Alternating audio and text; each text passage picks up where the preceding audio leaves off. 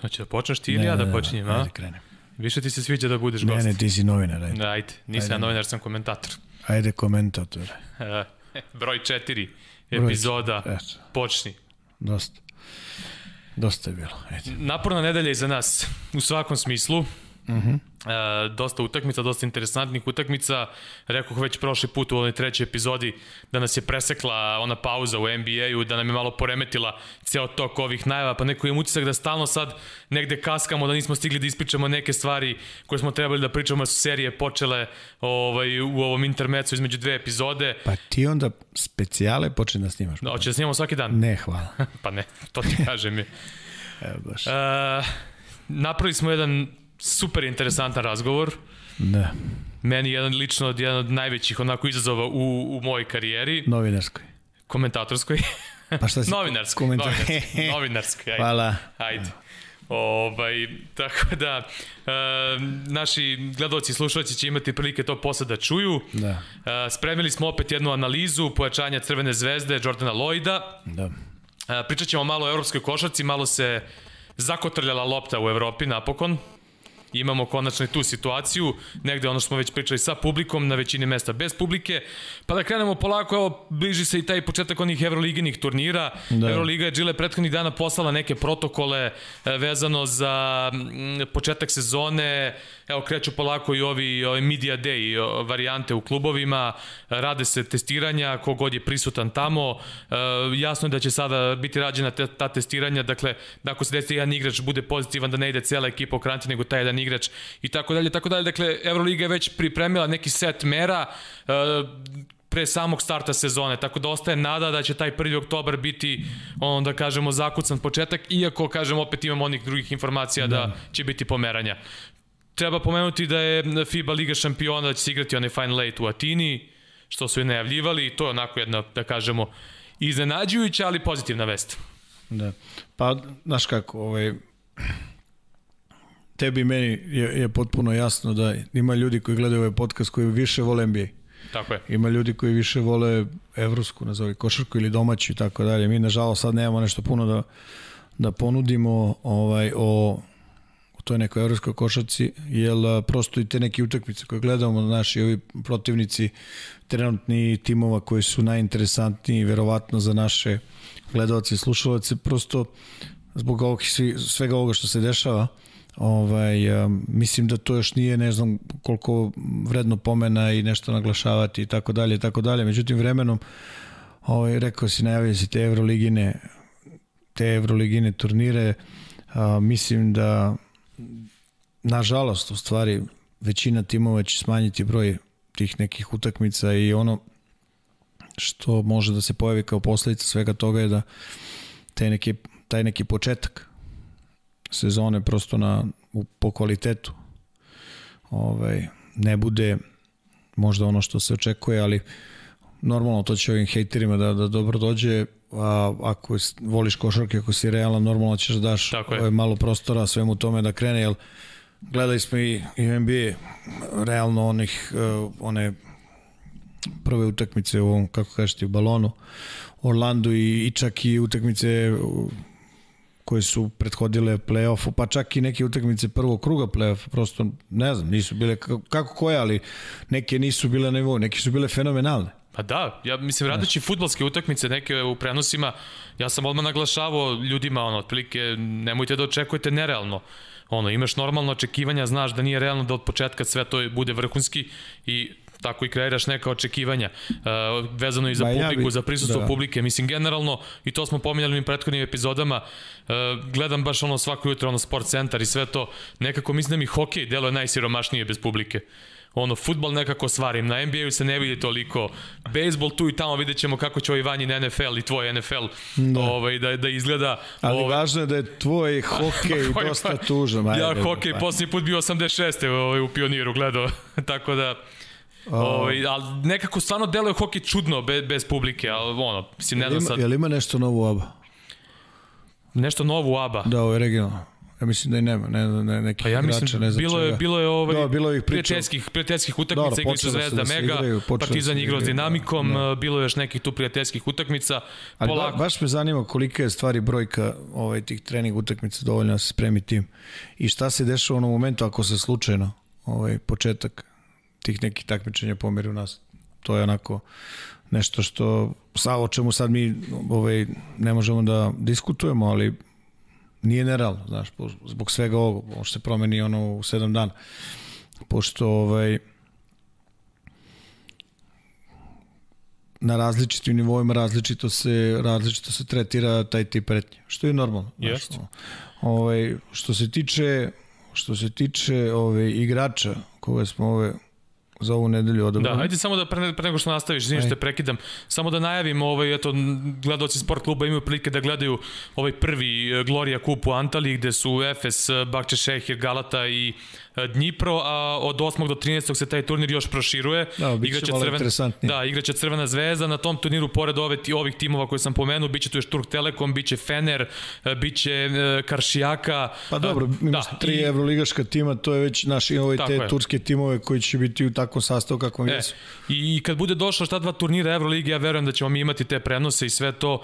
Već je negde tu žila neka mogućnost da malo više proanaliziramo ekipe za naše gledalce koji vole da. evropsku košarku, pa samim tim i malo više video materijala Pa dobro. ovaj, da vidimo ako bude bilo nekih situacija interesantnih. Tu je još uvijek pitanje, znaš, da li su timovi kompletni. Ja mislim da nisu svi timovi kompletni. Nisu, mislim nisu. da, da, da ima neki timova koji više manje, ovaj, neko, neko sa malo više transparentnosti traže igrače, neko onako malo više u, u miru, ali mislim da, da sastavi nisu definitivni. Mi smo mogli da uzmemo i da, da, da analiziramo igre ovaj, nekih timova sa naših prostora ili iz Eurokupa, Eurolige, ovaj, koji od prošle sezone, međutim sastavi su promenjeni Da. i, i ovaj, tako da smo tog odustali. Da. Uglavnom se vratimo na Lloyda, jel? Tako je, Jordan Lloyd, eh, pojačanje Crvene zvezde, ovako da. jedno od najrespektabilnijih pojačanja po, imen, po, po imenu ovaj, u, u regionalnoj košarci. E, bio je deo one ekipe Toronto Raptorsa koja je uzela titulu. On je trebalo pre te sezone da igra s Darušafaku, praktično već dogovorio sve mm -hmm. sa njima, međutim onda je do- stigla ta ponuda Toronta, imao je out opciju, došao u NBA, bio je uz ekipu, nije imao neku sad, da kažemo, spektakularnu minutažu niti ulogu, uh, igrao je u razvojnoj ligi i dolazak u ekipu Valencije ove godine. Da. Uh, završnica sezone većina utakmica je bila dobra u onom uh, ACB balonu. Uh, tokom sezone imao problema sa povredama, tražio je sebe, imao nekih brutalnih utakmica, imao je neki da nije bio na svom nivou, ali generalno, kako smo i rekli u onoj prvoj epizodi, jedan od igrača koje očekujemo da uz uh, Korija Voldena možda generiše najveći broj pojena za Crvenu zvezdu. Pa, e, ono što, što je važno reći odmah na početku. Znači, ja nemam nikakvu sumnju da, da ljudi ovaj, iz Zvezde koji se bave time ovaj, su vrlo dobro upoznati sa, sa tim problemima koje Lloyd imao prošle godine. On je realno, ja mislim da je, da je bukvalno jednu trećinu utakmica preskočio. O čemu se tu radi, ja nemam nekih, pravo ti kažem, informacije, niti me nešto puno zanimalo. Neki utak, utakmice koje, koje sam gledao je stvarno izgledao fenomenalno, a neki drugima nije izgledao dobro. E sad, da li, da li stil igre ovaj, koje je Valencija imala, da li je baš ono što njemu 100% ovaj, odgovara, o tome može da se diskutuje dugo i dugo. A, ono što nas verovatno više zanima je kako će ga koristiti ovaj, u, u, ovaj, u Crvenoj zvezdi. A, to je igrač koji je strelac i verovatno navijači, ovaj, navijači zvezde od njega očekuju da, da nastavi negde gde su stali Panter ili recimo Lorenzo Brown kada je bio u onim svojim uh, košgeterskim ovaj, momentima nešto više nego, nego kao organizator igre i mislim da je Lloyd dobar strelac. Lloyd može, da, lo- može to prosto da, da, ovaj, da, da podnese kog, da li će baš to funkcionisati najbolje uvek ili odmah od početka ostaje da se vidi i normalno to je to je ovaj uh, uvek pitanje i nedumica ono što je za, za što može se reći za njega. To je jedan recimo ako ga poredimo sa ovim ostalim igračima koje smo do sada analizirali on je kako bih rekao on je najčistija dvojka mm -hmm. znaš. Da li će da li on može biti neki alternativni ball handler? Sigurno može, znači to je on je igrač koji je dobio i, i u Valenciji onda u tokom, tokom tih svojih igara u sa ovim Raptorsima, 9 5, da. Ovaj, I Stehaus ga je koristio i, i kao, kao pick and roll igrač i tako dalje. I on to može, i on to može da igra. On je uh, agresivan, njegov prirodno je agresivan i pravi strelac, ali ne šuter pa kao profilisani šuter i samo se na to koncentriš. Da. Vidjet ćemo po svojim klipovima. Znači to, je, uh, to su poeni u kontranapadu, to su poeni iz, iz blokada, uh, sasvim dobar pick and roll igrač kada nema puno pritiska na sebi. I ovaj ono, uh, želi da doda... Pritiska vidi, u kom smislu? Pritiska, pritiska da se od njega očekuje ne, ne, pritiska, pritiska na loptu? Odbrane, pritiska, pritiska odbrane, odbrane loptu. Pritiska odbrane.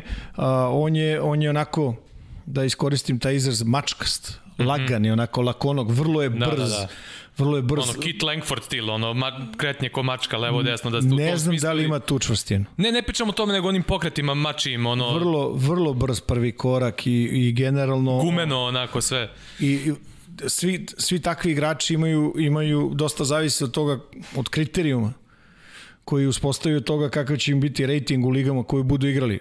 Znači, sve to može da bude on inače voli da igra u telo, traži faul i tako dalje i tako dalje, malo, malo više onako igra nešto što bi odgovaralo ovim NBA parketima, ali vidjet ćemo kako će biti to, ovaj, vidjet ćemo kako će to biti u Zvezdi, regularan 3 point, ono, šuter sa, sa uh, 3 poena i vidjet ćemo posle, ja sam, namjerno sam ostavio to, ovaj, vrlo dobar ovaj, ISO igrač, znači izolacija možda kreira i za sebe i prodor i šut i, i vidi, hoće da doda, to stvarno nije nije za njega ovaj nekakav neko iznenađenje ako budemo videli da da na nekim utakmicama naročito ako uspostavi uspostavi dobru saradnju sa određenim igračima. Recimo u Valenciji je vrlo dobro funkcionisao sa Dubljevićem taj njihov pick and roll na, na, na, ovaj, na vrhu, na kecu i onako, naročito u pop varijantama izgledao vrlo dobro. Mm -hmm. Ove, aj, aj pusti ovo roko da gledamo malo. Ove, e, našao si me s muzikom, dobro. Ove, ovo su odmah na početku, ono kako uobičajeno, znači, ovaj, kontranapad uh, to su kažem široka jedan ovaj izbor završnica ovde vidimo neke onako znači ako se desi da, da, da, da povuče hoće doda ako je u boljoj ako je u boljoj ako je u boljoj ovaj prilici neki sa igrača nema problema da doda ovo je ono što sam pričao agresivan napada prvo reket onako i ovaj i hoće da završi na hoće da završi na na obruču.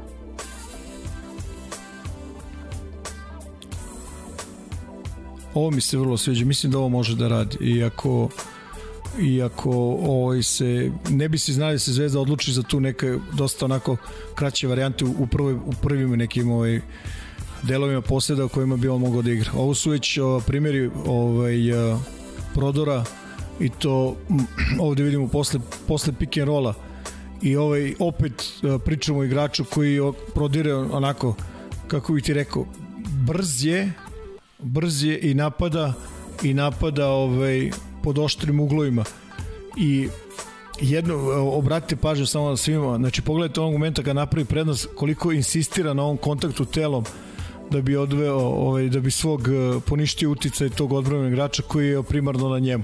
To nekad funkcioniše, nekad mu ovaj sudi tolerišu malo više kontakta pa to ne ispadne dobro, ali generalno to, to je jedno od njegovih navika i naročito protiv ovih uh, pick and roll odbrana u kojima su centri pasivniji, to njemu odlično ovaj, pasuje. Vrlo brza zaustavljanja za šut. Pogledaj pick and roll, znači vrlo brza zaustavljanja. Znači, na malom prostoru i može sebi da posle jednog driblinga ovaj, stvori poziciju koja će ga dovesti u, u, u dobru, ovaj, u dobru priliku šut. Evo opet ovo ono čemu pričam, traži kontakt, traži, znači ostavlja igrača na leđima. Ovaj mislim da je mislim da je to ovaj vrlo dobro. Ove završnice videli smo prodor kraja, videli smo sad ovaj šut sa polu distance, šut sa 3 poena. Uh, sad mislim da ide deo ovaj sa ovim dodavanjima uh mhm. -huh. i ovaj i prosto ti kažem znaš baš mi je onako drago što što smo ovaj nekako se desilo da svi igrači koji su pokazivali do sada Ovaj, nismo mogli da nađemo nešto puno nekih primjera u kojima ono, kažeš šta radi čoveče, prestane siluješ ono. Da. E, forsiraš, ne znam, smijem da kažem silovanje. ne znam. to je žargonski izraz. Često zamerio kao nemojte koristiti američke izraze ovaj, pa, da, pa ja ne znam ovaj kako će. Ovi domaći su nekad često i pregrubi. Pa nema pojma. To me, to me ne zanima. Vidio, da li je, znaš, ono, Evo ovde čitao Davisa koji je popunio reket naše, naše slobodnog igrača u, u korneru. Generalno to je stvarno stvarno hoće da ovo ono što sam pričao sa Dubljevićem, tim, tom pick and pop da. ovaj, opcijom na vrhu. Znači ovde je tražio kontakt, ovde je raširio skroz, Kalate se napao, u, ovaj, ko je bio to, ovaj, dole napao petica u dvoje, ovde Kalate se rotira na Dubljevića, on to čita i ovaj pas ugao. To je sve onako, što bi se reklo, ovaj, kako treba. PS izlasci iz blokada. A, on, on je ovaj, vidjet ćemo, posle pokazat ćemo, ima neke, on nogama napravi prednost koju može koristi i, i, i da krene u ovaj, i u prodor. Ovo je opet to zaustavljanje na malom, prosto vrlo malo mu treba da bi našao ovaj, da, da bi čak našao. i kada ne naskoči nogama dobro, on iz gornjim delom tela ono iskontroliše stvari i šutne. Ba, mislim, vidi se da, da, da, se, da su te stvari sa njim dosta rađene i ovaj i onih onih koristi ono što se kaže ovaj non stop prodor do kraja traži telo ako ga budu poštovali ne bi se znali da bude puno na, na liniji ovaj, o, penala to je ono što ti rekao znači sam sebi kreira tu izolaciju i, i ovo vidimo različite ovaj, različite završetke. Prvim korakom obilaze ovde Jenkinsa koji znamo da je dobar ovaj, odbrambeni, odbrambeni igrač. Uh, kreiranje izolacije 1 na 1, 3 poena. E, to je ono što ste rekao, ako nema, ako nema ovaj, ako nema prevelike ovaj, ako nema posebno neke, neke, nekog pritiska, vrlo malo vremena mu treba. E, mislim, ono, brzo. Evo ovde Austin Collins ga čuva koji je odličan defanzivac. Ma, pogledaj ovaj, pogledaj ovaj primjer. Pogledaj ugao pod kojim je krežan. Znači, bukvalno uz Kalates najbliže moguće što je mogo i, i ovaj, probigao. Ja ovde, ovoga je, ovoga je vratio kući. Da. Ovaj, e, ono što je vrlo zanimljivo, rekli smo, on je, on je ovaj, kako bih rekao, lagan i brz igrač i, i dosta puta treneri se odluče za, za kako bih rekao, većeg onako odbrana igrača koji hoće, voli da igra sa puno kontakta i tako dalje. Međutim, ako, je, ako postoji određeni ritam i, i kretanje koje ovaj, Lloyd ima pre prijema lopte, stvarno je opas. Da, veliko počanje za Crvenu zvezdu bez ikakve dileme. Ovaj, Uh, vidjet ćemo, kažem, sada kada krenu novi turniri uh, u Antali, ovaj drugi turniri, kada krenu ti turniri Evrolige, malo ćemo da se pozabavimo i ako bude bilo prilike sa tim nekim timskim stvarima i imat ćemo prilike da vidimo i na delu Crvenu zvezdu tim e, mečima. Crveno-beli su igrali ovu prijateljsku utakmicu pre par dana sa Megom ovaj, koja nije, naravno nije bilo na televiziji i tako dalje i tako dalje. E, hoćemo polako da prelazimo na, na NBA. Prošli put nismo imali mnogo vremena.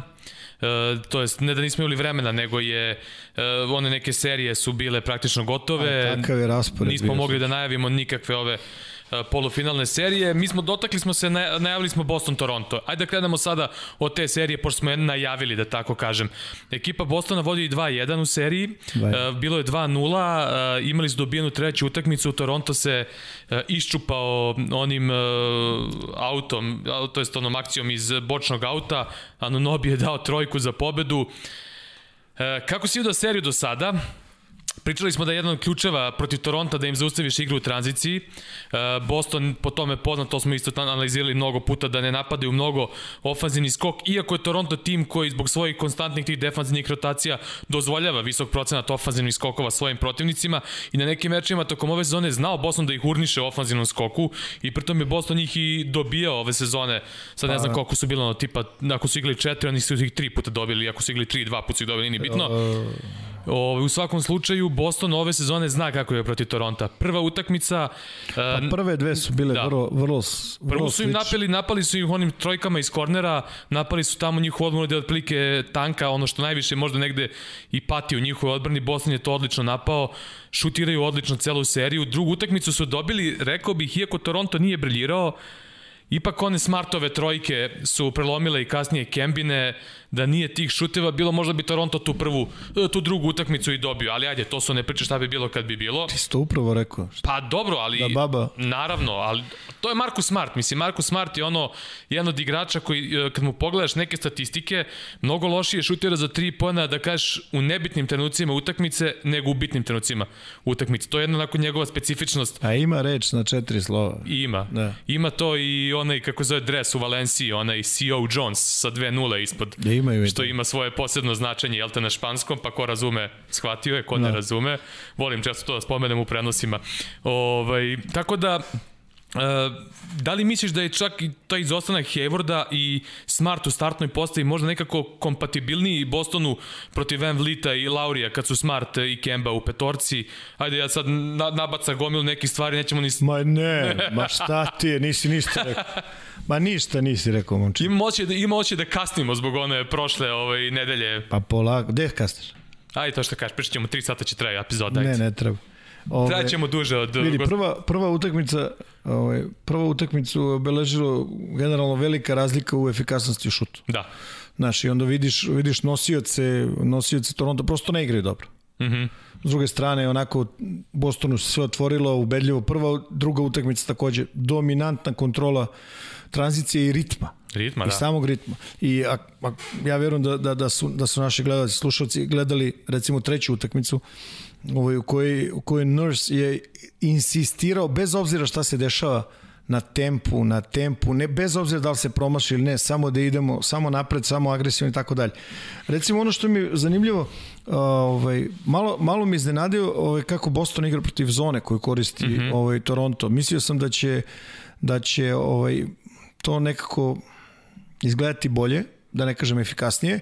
Međutim, s druge strane, znaš, moraš da kažeš da svaka čast uh, Raptorsima na tome da, da i, i Nursu na odluci da, da vrlo dugo igra zonsku, zonsku ovaj, odbranu protiv ekipe koja generalno ovaj, ima, ima, ovaj, ima tu pretnju šutem a, s polja. Pitao si me za, za tu treću i za taj ovaj, a, odlučujući poen.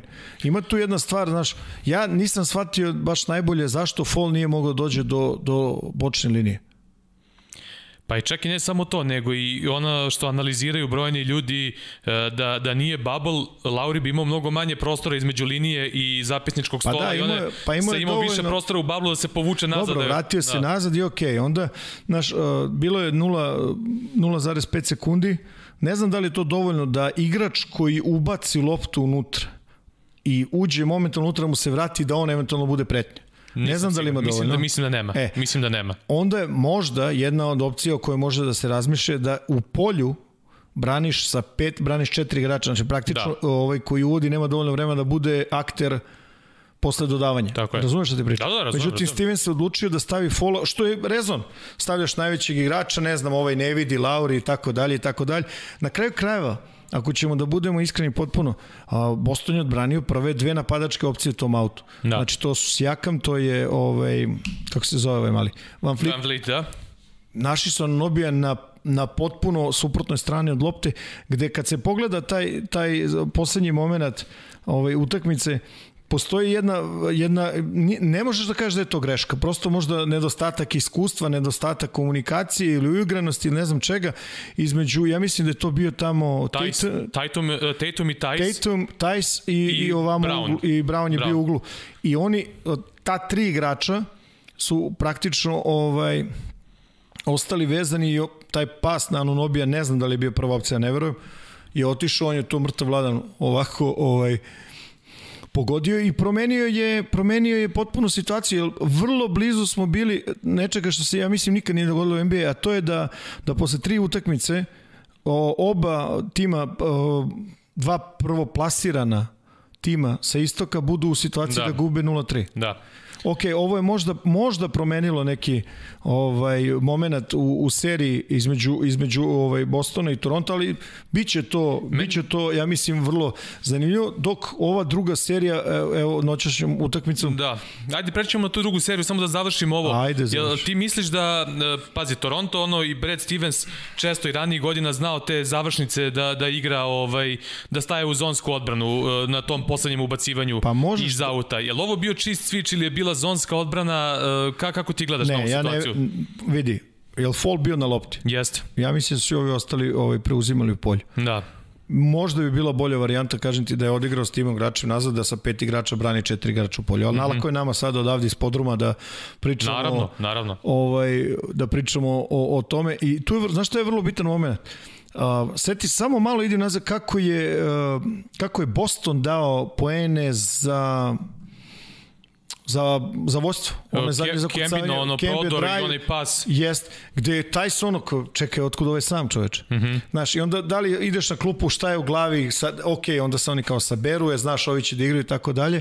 Pitanje je koliki je bio fokus igrača. Uglavnom, za nas ovaj, je to uh, najbolja opcija. Zašto? Zato što ćemo gledati više košarke, normalno. Tako je. A što se tiče ovoga što si me prekinuo, hvala ti. Zašto? Miami, ne, ne, ma neću te pustiti još na Miami. Ali, Čas, sačekaj polako. Mislim, i Miami i meni omeljeni tim, ali polako. Ajde. Polako. Šta hoću te pitam? Uh, veče pre te utakmice Bostona i Toronta, uh, ekipa Houstona i Oklahoma su igrali jednu sedmu utakmicu. Videli smo kako se to završilo. Hmm. I bila ona situacija na kraju. Ne znam da li si obratio pažnju, Shea Gilgis Alexander izvodi onaj out, Uh, ovi sve dogovorili, Russell Westbrook je pročitao šta je spremio Billy Donovan, jer je već... Baš me čudi. Jer je, dobro, bio je njegov igrač, plus, plus nekoliko puta su tu, tu, tu akciju igrali, uh, skočio je, što se kaže, zatvorio opcije. E, ostala je varijanta, uh, Steven Adams prazna reket, uh, ispred njega ide igrač, uh, između njega je lopte koje, ono, iz auta, on još ulazi u sil, znači toliko praznog prostora, Shea i Gilgis Alexander ili ne vidi ili ne sme da baci taj pas. Pa potpuno sve. I dobro, nebitno. I imamo situaciju sledeće veče gde Kyle Lauri preko fala baca onaj pas onakav.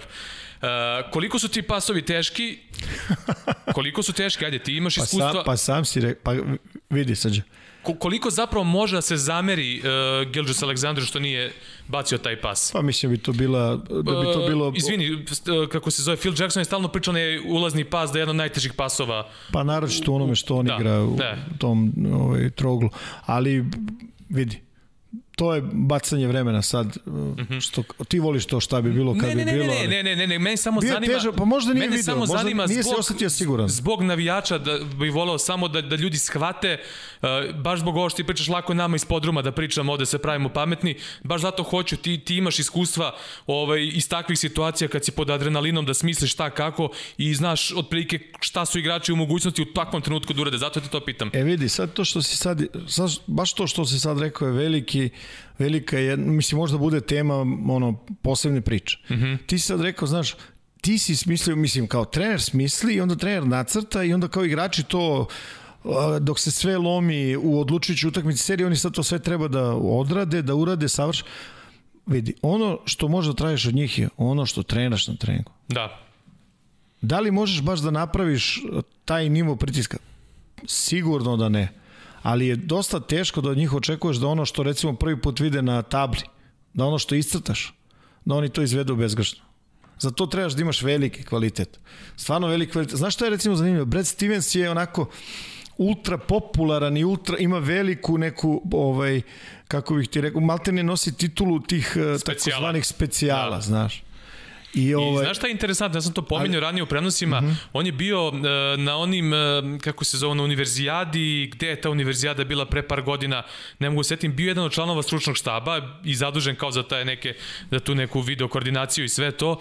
I on je pričao često da i dan danas čuva te kasete, odnosno kasete, DVD-eve šta su tada bili, ovaj, i da, da, da je odatle pokupio dosta nekih stvari koje s vremena na vreme negde ubaci i iskoristi i to je, mislim, eto, delo je onako malo neobično.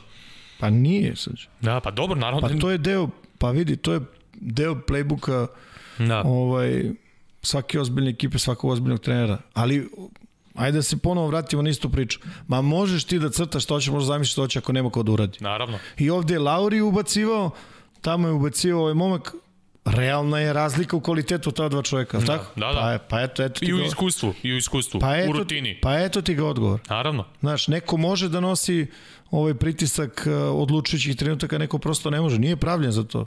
Ili nije bio dovoljno puta u toj situaciji, pa nema da, još neku... Da, možda će se razviti do tako toga. Je, polako. Ali vidi, znaš šta, ono što je, da se vrati samo na Oklahoma nevezano za, za to što su kao izgubili od Houston, pa je to prvo uh, i sama činjenica da su igrali 7 utakmica, to je super. Mhm. -huh. I to je recimo možda najkvalitetnija bila prva ova prva prva, prva runda, runda, da. da. Znaš, i to, to je isto ona, to je isto ona priča, znaš, kad, recimo, Denver je uspeo da se vrati posle 1-3 i jedan dobar tim izbaci, prođu dalje. I onda nalete na, na Clippers. I prva utakmica prođe kako je prošla. Mhm. -huh. I odmah, momentalno, lavina negativnih komentara i ne znam, ocena i tako da, pa polako. Znaš, mislim, da li je bilo realno za očekivati da posle uh, to, tolikog praženja i fizičkog, a naročito emotivnog, psihološkog praženja i prolaska u tu sledeću rundu, da li je bilo realno očekivati da protiv ekipe kakve je Clippersi, a to ponavljamo ko od početka, da su oni ono noćna mora za, za sve ekipe za sve. koje vole da igraju u, u nekom ritmu sa puno kretanja i tako dalje. Da li je realno bilo da će sad Denver da izađe na full da bude? Mislim da ne. ne. Da li će da odgovore? Pokazali su serije sa Jutom da mogu da odgovore i sigurno će odgovoriti. Razumeš? Ali to je sad to, ok, to je nešto individualno, ili kapiraš te proces ili ne kapiraš. Ja nemam, nemam nikakvu dilemu da, da, da, da, ovaj, da su emocije još pojačane samim time što, što ovaj, ljudi više vole ili manje vole Denver, znam, mm -hmm. znamo zbog čega. Da, ajde, dotakli smo se te serije, nećemo mnogo da pričamo jer je ta da. prva utakmica bila onako prilično dominantna od strane Clippersa. E, pomenuli smo za Clippers da je to tim koji može maltene da se svima prilagodi ako treba da se prilagođava ovaj, da su tu meni po mom mišljenju možda i prvi favoriti za titulu. E, ajmo da, da, da, da se prebacimo na Milwaukee na Miami. Ma, misliš da se vratimo? Pa da Bili da se vra... smo tamo. Ne, ne neki si, su pokušavali. Ti znaš. si pokušavao da, da e. pobegneš sa, sa Bostona i Toronta. Ove, a sad možemo Komentar. da pričamo o Miami-u lepo. Komentar. Do, ajde. Ovaj, da, da se vratimo na, na Miami i Milwaukee. 3-0 za Miami. Uh, pričali smo već mnogo puta o Miami, da se ne ponavljamo, uh, svesni njihovi kvaliteta.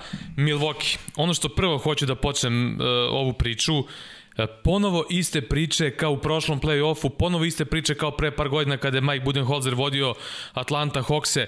Konstantno mu se zamera na tome da se drži svog plana i da neće da se previše prilagođava tvoje mišljenje, tvoj izbor, mislim ja nekako ajde jedno gledajući tvoje timove kad igraju, deluje mi da, da i ti voliš da se prilagodiš i da, da udariš prvi što se kaže ovaj, sa nekim stvarima. Ovaj, e, šta je tu logika trenera? Šta je za, šta je protiv, u kojoj situaciji se prilagođaš, u kojoj situaciji se držiš plana, uh, kako komentarišeš uopšte celu tu priču oko Majka Budenholzera, zamerujemo i na rotacijama igrača, odnosno minutaže igrača u određenim trenucima meča, uh, nekim prilagođavanjem u odbrani, uh, zašto Janis Kumbo, ne znam, čuva ovoga, ne čuva onoga kao najbolji defanzivac godine i tako dalje i tako dalje. Tvoje, tvoje ono neko viđenje po tom pitanju? Ko je bio broj 1 tokom sezone? Milwaukee. Aha. Pa šta da menjaju? Da budu broj 0, šta? Pa. Šta da budu? Šta, šta da menjaju? Da te pitam Jesi gledao znači... utakmicu noćas? E, da. Znaš da je izvrnuo zglob muški Jeste, u šest. Jeste, odmah na početku. Vidi, ono. mene više zanima zašto je došlo od toga, jer da. to je bio takozvani beskontaktna povreda. Da. Razumeš, mene više zanima da li je to posledica nekog umora ili eventualno nedostatka fokusa i on je definitivno igrao celu utakmicu ovaj, povređen. A, on je igrač kome, koji mora da se osjeća fizički, ono što se kaže na fulu, jer on tako igra, on igra iz pokreta, igra iz brzine, on je igrač brzine. Uh mhm. -huh. On je igrač finese i nije igrač e, nekakvog šuta ili ne znam čega. O, da li je frustriran? Sigurno jeste. Mislim da će šutirati 0-6 za 3 poena. Znaš, svaki put kad šutne s polja, to je kao da je znak da, da, da ovaj, nekakve kao ovaj frustracije. A da li ti deluje da je uzeo... Ali opet je bila, opet je bila tesna utakmica. Ona, da. razlika na kraju je najveća tokom cele utakmice. Tako je, koliko? 42-13, koliko je bilo u danjem četvrtini? Tako nešto, mislim. Pa ne, mislim, ne, nevezano za to, znaš, i sad ajde da ne pričamo, a možemo i da pričamo o ove, opet o, o herojskim potezima Butlera i, i Dragića. Mm -hmm. Znaš, i Miami je bio bez Olinika i vidi se da im to malo i da. smeta. Oživio je da... Mersa Lenarda spo na, ovu, na ovoj utakmici. Kako je on ispao iz petorke kad je došao Šta Jay Crowder i nije uopšte nije više ni ulazio malte u igru. Kako uđe čovjek, udari čovjeka da fauli koš, nije bitno. Da. O, ovaj, ali a, šta, šta hoću ti kažem, znaš, lako je ovaj, kritikovati. Znaš, lako je ovaj Baden Hozera, on sigurno ima svoje rezone, zašto, znaš, on zna šta ga je dovelo. Tač. On zna što ga je dovelo. Na kraju krajeva, znaš, to menjati stalno ono što hoćeš, opet ću ti kažem, to nije za svaku ekipu. Mhm. Mm Znaš, to nije, nije ne, e, ne to, mogu... To me zanima, to pa me ne zanima mogu sve, baš. Pa vidi, to ne možeš da radiš recimo sa ekipom koja nije prošla mnogo toga, koja nije dugo zajedno, mm -hmm. koja nije dugo zajedno sa, sa ovaj, um, u, u takvim nekakvim situacijama i Mislim, Znaš, na kraju krajeva sa ovakvim igračkim kadrom, koliko ti imaš mogućnosti da tu nešto menjaš koncepcijski, da se prilagođavaš i tako dalje. Da li taj, ta konfiguracija tima uopšte ima mogućnost da, da bilo šta... Pa reci mi sad, kada staviš, kada staviš tim Milwaukee na papir. Mm je to tim za najbolji skor u ligi? Nije, nije. Znaš, i stvarno, mislim da nećeš naći puno ljudi koji će reći, pa da, da, jeste. Da, okej, okay, vidi, sigurno je Lopez odličan igrač. Bledsoe, uh, Middleton, Janis, okej, gomila onih uh, drugih koje su... Dante Di Vincenzo i ostali. Pa to je tvoj omiljen. Wes Matthews. To je tvoj omiljen. Ali šta hoću ti kažem? Znaš, kad pogledaš ostale timove, recimo poređen s Miami, mislim da je Miami kvalitetniji. Onako, ah. što se kaže na papiru. Na ja, papiru. Da. A pomenuo se sad tu Janisovu možda isfrustriranost i šuteve. Uh, pre, kad je bilo dve sezone ih je Boston izbacio. Vidi, ti znaš, on je, to je opšte poznata njegova obsednutost da bude što bolji, bolji, mm -hmm. bolji. I ako ćemo budemo onako ovaj, uh, iskreni, on, ja mislim da svake godine igra bolje. On ima evidentan problem i to je To je njegov šut s polja. Šut s polja. Yes. Mi smo videli ono sve vremena, ali ne mogu se porede evropska košarka i, i, i NBA i zbog više razloga, i zbog pravila, i zbog veličine terena i tako dalje i tako dalje. Sve vremena on je predolimpijski turnir. To zbog veličine terena, ne tamo da kreneš. Sad ću pa, te dobro, pozivam dobro, za veličinu. Ne, ne, ne, ne, ne, ne, ne. Ne, ne, ne, ne, sad ću te isprozivam za veličinu ne, terena. I, ajde, idemo dalje. Aj, stalno neke prozivke, stalno neke, stalno neke prozivke. Šta hoćeš ti kažem? Ne to sa veličinom terena. Uh, I kako se zove... sekunde. A? Pravilo 3 Dobro, 3 sekunde, ne, Ajde. šta hoću ti kažem. On je pred olimpijski turnir u Torinu sve vremeno. Uh mhm. -huh. Aca Petrović sa Hrvatskom je ono, brutalno se povlačili Janisu i Kalatisu i mnogo problema su ovaj, mu napravili tada. E, sad šta hoću ti kažem. U NBA-u Boston je imao tela, što se kaže, da mu pariraju ono ranije sa Horfordom, eh, koji je što bio Jalen Brown i tako dalje, tako dalje. Pričamo onoj pretprošle sezoni, onoj prošle kad su ih Baxi lako izbacili.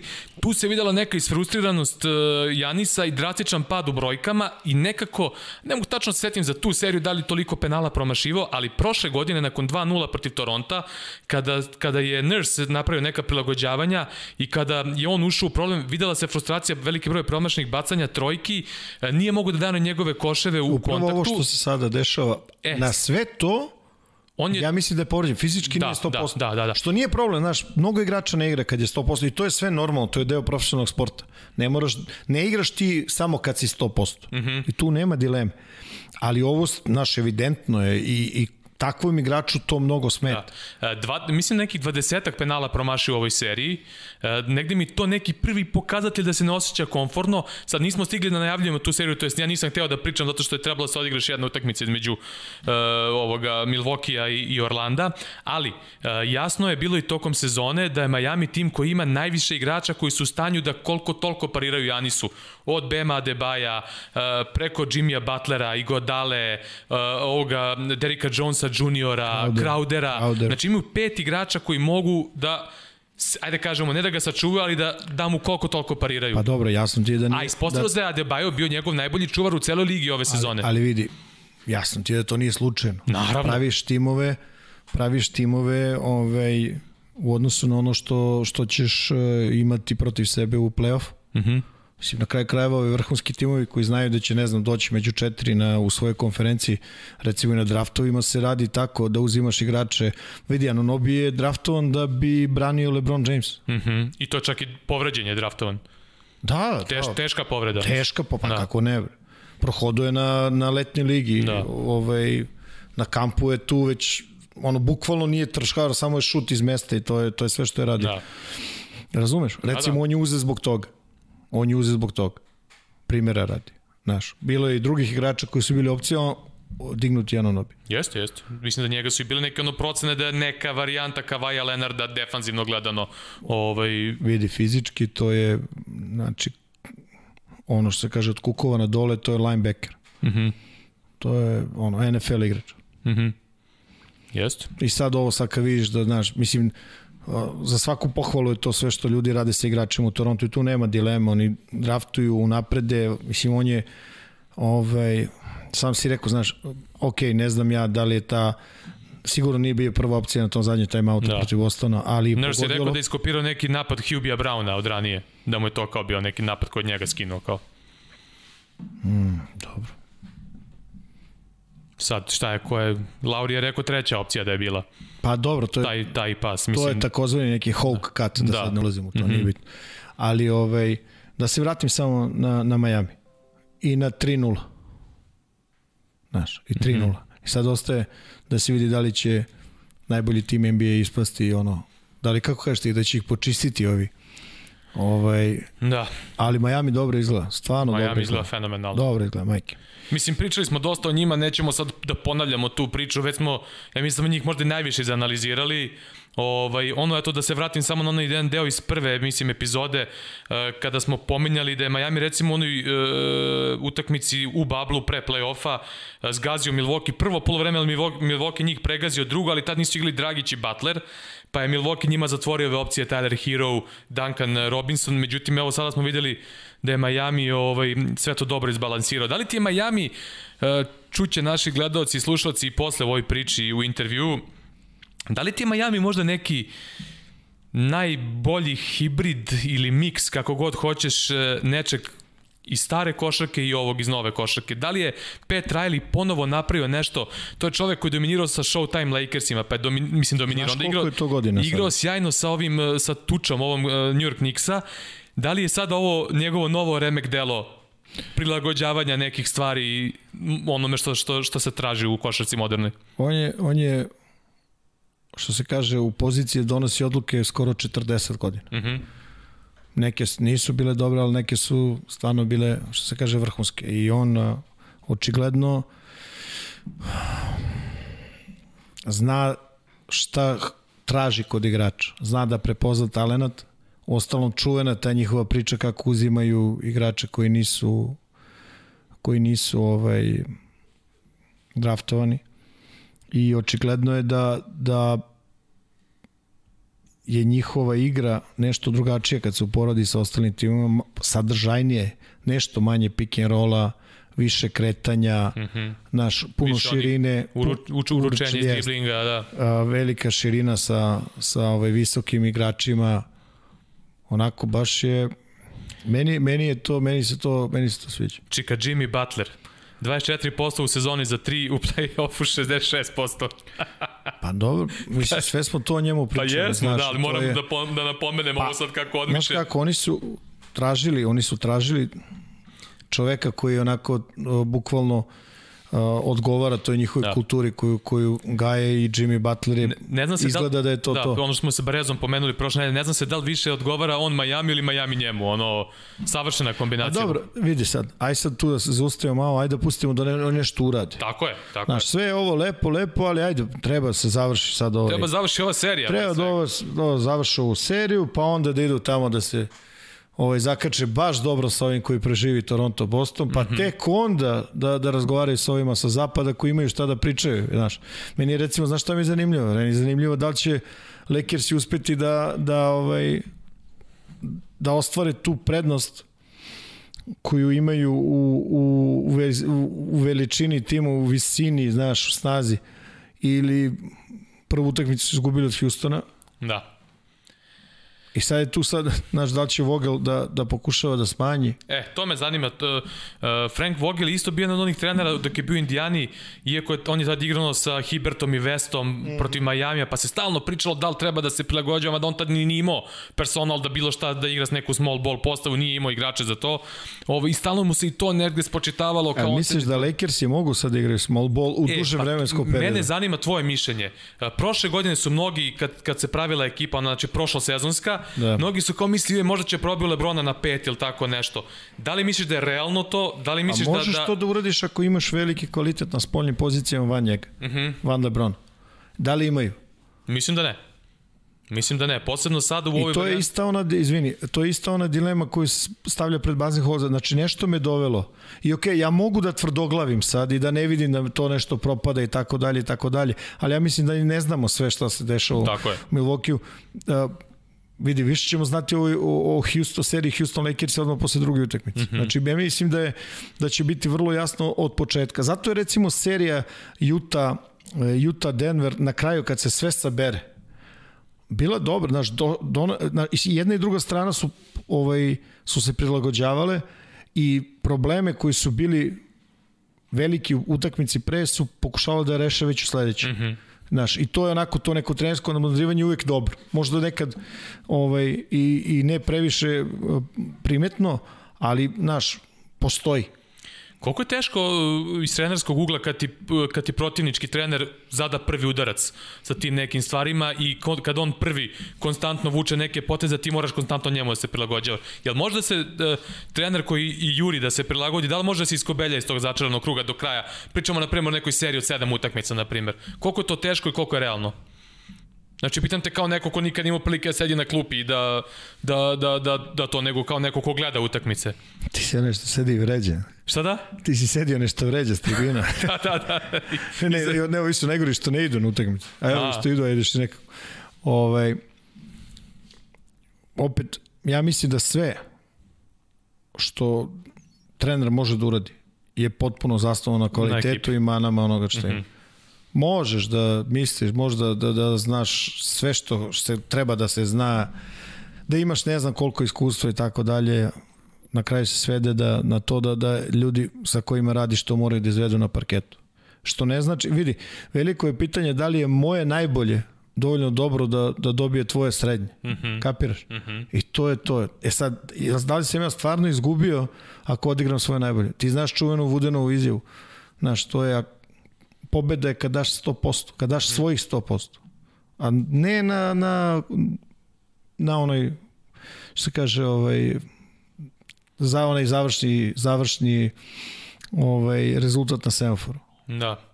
Uh, Houston je zadao prvi udarac Lakersima, napravili su im velike probleme sa small ball postavom. Uh, Houston je još jednom pokazao... Na Da, uh, Houston je još jednom pokazao da trenutno po onom defanzivnom ratingu su najbolja odbrana u play-offu. Još jednom su pokazali, znači vrlo su bili agresivni, 17 izgubljenih lopti Lakersa iz kojih je Houston dao 27 poena u kontranapadima, veliki broj ukradenih lopti na onim ulaznim pasovima na niski post, nemogućnost Lakersa da bilo šta tu naprave, Davis je bio daleko od koša, McGee onih par pokuša izgledalo je kao ono u Šektina Fullu pre par godina kad nije mogao Izeju Tomasa da postoje. Ovaj, uh, Houston je dao mnogo lakih pojena na taj način i opet da se vratimo na onog, onog priču o Lugensu Dortu koliko je zapravo uspevao da uspori Hardena. Uh, Sada se možda vidi e, e, nedostatak Avery Bradleya za ekipu Lakersa, koliko bi on znači da bar malo negde uspori.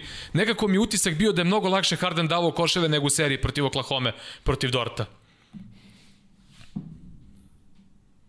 Je, može da se desi da tu seriju odluči ovaj, ukupna energija koja je potrošena. Znaš, a definitivno tokom sezone Houston ne igra na taj način. Je li tako? Da. I ovaj, taj nivo taj nivo ovaj odbrane i taj nivo energije i, i sve to što oni troše već se pola, ponekad se i, i primeti ono što se kaže u, u nekim procentima i tako dalje, ali znaš, ok, prošli su Oklahoma, dobili su Lakers-e Ja, samo malo da vidimo još da prođeš neka utakmica pa ćemo moći nešto da kažemo da, da, ovaj, malo ovaj, da, da, izrazim, da se izrazim ovaj, pametnije Mhm. Mm da, malo smo mi Ne mora ovde, da znači nezahvalna je biti situacija, nezahvalna je situacija jer na sedam dana pričamo praktično, pa ne možemo... Neću snimati Da. specijale, hvala. Ma kakav specijalca? Aj. Ne možeš ni da stigneš, ja, to jest ne mogu ni ja da stignem, ja radim ovaj Gloria Cup, tako da... Ovaj, a, hoćemo nešto da dotaknemo iz serije Denvera i Clippersa ili smo rekli sve što smo rekli, ona prva utakmica nije nam mnogo toga pokazala izuzev toga da su Clippersi ono prvi favoriti. Ovaj, da, da li je vreme da da polako najavljujemo ono što je centralni deo ove naše emisije i, i, i ovaj, da pustimo da, da priča čovek koji treba da priča. Šta ti misliš? Pa dobro, kad smo već ovaj uspeli nekako da ga ovaj, dobijemo. Velika zahvalnost Jogiju, Da. Nemanji Jovanoviću, našem eh, treneru koji je u stručnom štabu Univerziteta SMU, odnosno Southern Methodist, gde je i bio pomoćnik Larryu Brownu. Tako. Ovaj, On je, on je konekcija za... Tako je i čućete posle vezu. kada bude Larry Brown pominjao u finišu Jogi Jogi da znate ko je Jogi, ovaj, to je Nemanja. E, ja, Đile, prvi put da kažem, e, sam sebi napisao neka pitanja na papir, jer prvi... Pa vreme je bilo da... Pa znaš, ono, otku znam čoveče, nikad nisam imao prilike, e, intervjuisao sam ove evropske velikane među trenerima, poput Željka Obradovića, Dude i ostalih, ali nikad nisam imao prilike da ono tako neku NBA veličinu kad su treneri u pitanju, rekao bolje da napišem, da ne zaboravim, ovaj. nikad se ne zna.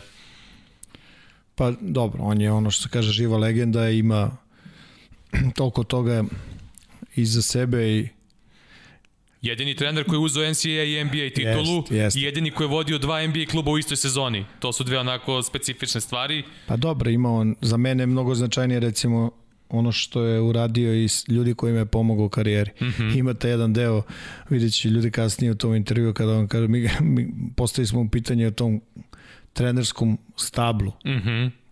Onda je rekao, nemam stablo, imam šumu. Mhm. I to je stvarno tačno. Tačno tako. Jer ovaj, on je čovjek ska, sa kojim je počela ta ozbiljna ovaj, priča o San Antonio. Tako je. E, mi, malo ću ja da sada pomenem, pošto nismo, nismo ni imali vremena da pričamo o tim nekim e, stvarima, e, tipa da ga propitujemo previše o nekim serijama, ovaj, ali generalno eto neke od e, najboljih serija koje on imao, mislim ono i, i sa Pistonsima ta titula i one čuvene serije, dva play-offa za redom maltene isti protivnici Indiana Pacersima su bili ono Atlanta Hawksi, Orlando Magic, New York Knicks one neverovatni dueli, kačenje Regija Millera i, i ovoga Spike Alija i sve ostalo, onih 8 poena za 9 sekundi i tako dalje i tako dalje. Ovaj, zaista neke istorijske stvari koje, koje su njegovi timovi radili, pa posle sa Filadelfijom, pa ona čuvena serija Filadelfije i Milwaukee Bucksa, onih sedam utakmica u finalu istoka, ovaj, pa ona, ona, eto sad imali smo taj duel Jamala Mareja i ovoga Spajda Mitchella, a kad se setimo one serije i okršaja Allen Iversona i, Vin, i Vinsa Cartera, ono, gde svaku drugu obojicu daju po 50 i nešto poena, zaista Jeste, neke... Sad kad si spomenuo to, hteo sam to da kažem, nešto nema veze sa Larry Brown, nažalost. Mm -hmm. Mi sad će ljudi ga slušaju i bolje njega slušaju nego tebe i mene. Ali nešto razmišljam, gledam onu utakmicu, znaš, i sad se to lomi, normalno navijaš za Denver, mislim, draži ti je, jel? I gledam onog Mitchella i kažem, pa ovo je bio u Denveru. Je tako? Kako misliš bio? U kom smislu? Denver ga je draft. A to misliš, da, da, da, da, da. A zanimljivo kad je ovaj išao za Chicago, to niko nije nešto podlačio puno. Da, da, jeste. Razumeš? Jeste, to je interesantno, da. Pa i kako nije. Da, da. Znaš kao ne bi mogli da igraju zajedno. Pa vidi, tu dosta... Ovaj, ne bi da. mogli da igraju Mara i Miče i, i ovaj, Da, da, da. Joki zajedno. Ma da, ne bi. Da, da. Ovaj dobro, dosta su njega ono pocenili na, na tom draftu i pre tog drafta. Ovaj, a evo sad isto neke priče kad se već toga dotako vezano za Michael Portera, on je kao imao neku kao motivaciju protiv Clippersa koji su isticali prvi, odnosno sam je on pomenuo da je doktor Clippersa stavio onaj red flag za njega i da ga Clippersi su ga preskočili na draftu, birali su Jeroma Robinsona, imali su dva uzastopna pika, birali su Jeroma Robinsona, ovaj, da nisu htjeli njega da uzmu, pa on kao tu našao neku motivaciju, ali vidjet ćemo da li će ta motivacija bilo šta značiti protiv ekipe Clippersa. Ovaj, ništa, da, da, da najavimo onda Larrya Browna, odmah da kažemo nismo teli da ga, da ga propitujemo ona pitanja iz žute štampe, tipa o draftu i tako dalje i tako dalje. Bavili smo se više košarkaškim stvarima. Ajde da pustimo bre ljudima, gledaju. Hoćemo. Eto, ništa, poštovani gledalci, hoćemo se javljamo sada pa da. i do kraja da ide intervju, da, da ne kvarimo mi više našom pričom. Ovo je bila četvrta epizoda e, podcasta Blok po blok. Slušajte do kraja ove epizode legendarnog jednog od najvećih NBA trenera Larrya Browna. Ćao. Prijatno. Uh, first of all, I know that you've been friends with uh, with Mr. Lute Olson and Mr. John Thompson, and uh, we mentioned their names here. We believe they are very important guys for the basketball. I believe they were they were important part of basketball. So if you if you wanna if you wanna start with you know saying a little bit about those two friends of yours. Well, we lost more than you know just coaches. They were they were great human too, beings. Sorry. Yeah, they they were great human beings. I uh, I roomed with John on a USA team in 1963, and we went to Russia and Czechoslovakia and Poland. And at that time, uh, the Soviet Union wasn't split up, so we were in Tbilisi and Moscow. At the time, Leningrad, Tallinn, Riga. John and I roomed together, and he was he's just a great player and a great human being. Um, Coach Olson, I've admired for a long, long time. I recruited against him. Uh, he started out at Long Beach State and then went to Iowa and then went to Arizona and he built a powerhouse at Arizona. I coached a number of his players in the NBA and they all had, you know, glowing things to say about him. We also lost Jerry Sloan um, who was one of the great coaches in the NBA for Utah, also a great player. We lost Eddie Sutton just recently as well. Um, he was a disciple of Mr. Iba, who was my Olympic, yes, my Olympic coach in 1964. We lost Wes Unseld, who was one of the great players. I think he was the only rookie to win the NBA MVP and Rookie of the Year and then when we lost Lou, Lou Henson from the University of Illinois in New Mexico. So it's been a real difficult year here. Yes. Um, not only with the virus, but losing great people like that. Yeah. Uh, Coach, I'm pretty sure that you're the right person for this question. How, how do you see uh, basketball today? Meaning, how you see the, the tendencies in a today's basketball. I'm talking about number of possessions. I'm talking about uh, three point shots. Three point shots. I'm talking about small ball, lack of uh, low post play, meaning no bigs, all those things. So you just start, and we will try to ask you. Do, and do you like the new tendencies? no, I hate it. I hate it. yes. Um, there's no physicality in the game anymore. Um, I think if Allen Iverson and Michael Jordan played in the NBA and Shaq, they'd average over 50 a game. You Easily. can't touch people. I think there's too much ball screens. I wish we would play our game without ball screens. Yeah. I think we'd have a much better game in terms of passing and ball movement. Um, the referees last year in the NBA called a lot of moving screens when people set a ball screen. Now they don't call it at all. At all. At all. You you can't even guard. And everybody, I think the NBA has become a very copycat league. Almost everybody plays the same way. Um, I was on a, I've been on a lot of these kind of calls. Um, one day I got on after Utah. I mean, uh, Houston took 58 three pointers and uh, at a, I think 90 shots. And people were telling me, what do I think about Houston taking 58 three pointers? I said, well, the tallest, their center is playing, uh, they're playing Tucker at center. He's six yeah. four and a half. Yeah. Um, that's oh, the way Mike D'Antoni. Yeah, that's Mike D'Antoni's way of playing and it seems to me more and more teams are playing like that. Um, I had a brief experience in Europe a few years ago in Torino, yep. and I I enjoyed the game much more. Um, I got sick, so I had to leave twice. I missed training camp, which was really a critical time. But I thought the European style was much, much better, much more appealing to me. The ball moved, people knew how to play. Um, I, I thought the physicality was much, much greater. Uh, there's a lot of holding and grabbing off the ball, but in terms of skill level and understanding how to play and unselfish play, um, it blew me away. I was, out, out, pardon me? Excuse me, I'm interrupting you. Sorry. It's my bad. My no, no, I was I was so impressed with the coaching and the, the knowledge of play, and there were so many more older players playing um, in the United States. You know, we have too many young players that came even before college or one year in college, and I I don't think they were prepared to play at such a high level. Yeah, that's basically my my next question. Uh, I want to hear your opinion. We want to hear your opinion about, you know, uh, about that one and done tendency in the NCAA, meaning one year and and kids going to the NBA, and, and also the new tendency with the new uh, G League club, G League, yeah. with the new G League club uh, for the players who do, doesn't go to to NCAA. Yes, and then then basically on a, on there is one option just to you know finish the school four years of NCAA basketball, preparing yourself mentally and you know uh, culturally for something else. Not everybody will play in the NBA, but on the other side there is uh, guys finishing the one one year of college playing NBA, trying to play NBA, or trying to play G League. So I just want to know, what do you think?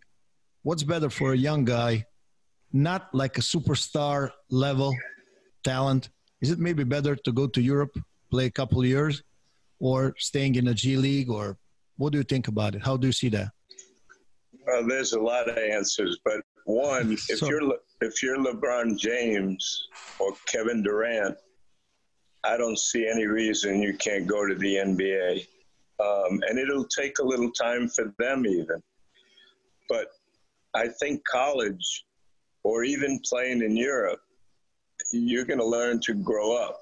Uh, education is something that we all should really emphasize with young people. That's, you know, you don't play basketball your whole life. Um, you know, there's there's so much time after basketball, and going to college and playing for great college coaches, or going to Europe and being in a different environment with a different culture. Um, there's so much you can learn. Um, this G League thing really upsets me because they're all going to be playing on the same team. Uh, winning and losing is not going to matter because they're not going to be competing for a championship all the young kids together that are playing, they're going to be living in a, a hotel, um, not getting an education, and trying to establish their own brand instead of trying to win games and instead of learning how to play. So I've always been in favor of kids going to school. You know, Coach Smith, if you were going to be a, a lottery pick, he would tell you to leave but if you weren't going to be a lottery pick, he'd want you to stay and get as much knowledge as you could in the classroom, learn to live away from home, learn to interact with different people, and yet improve on your skill level. Playing in Europe, you know, I had I had Tony Carr who came out of Penn State, a very young player. Yeah, I know him well. He had to bring his whole family there and support his family while playing in Torino and it wasn't fair for him. And a lot of kids that go to Europe from the United States, if you go for the right reasons, if you go to improve because you practice twice a day, you're with great coaches, you're with older guys, more mature guys, you're living in a different culture. If you go for the right reasons and want to get better and want to learn about a different culture and want to mature, you can really benefit. But if you go to Europe thinking, "Oh, I should be in the NBA," yes, yes. and you, you think you think it's it's really not in your best interest, you're just wasting your time. it's foolish to go. You'll never get anything out of it. But I'd much rather see a player go to a good program in Europe with older players, with a great coach, with the right attitude, saying, Hey, I want to get better. I want to learn how to play the right way. I want to improve my skill. It's yes. going to be two practices every day with people that are going to teach me things that I really need to know. Then, then you could really benefit by going overseas. I'm in favor of that. Yeah, I agree with you completely.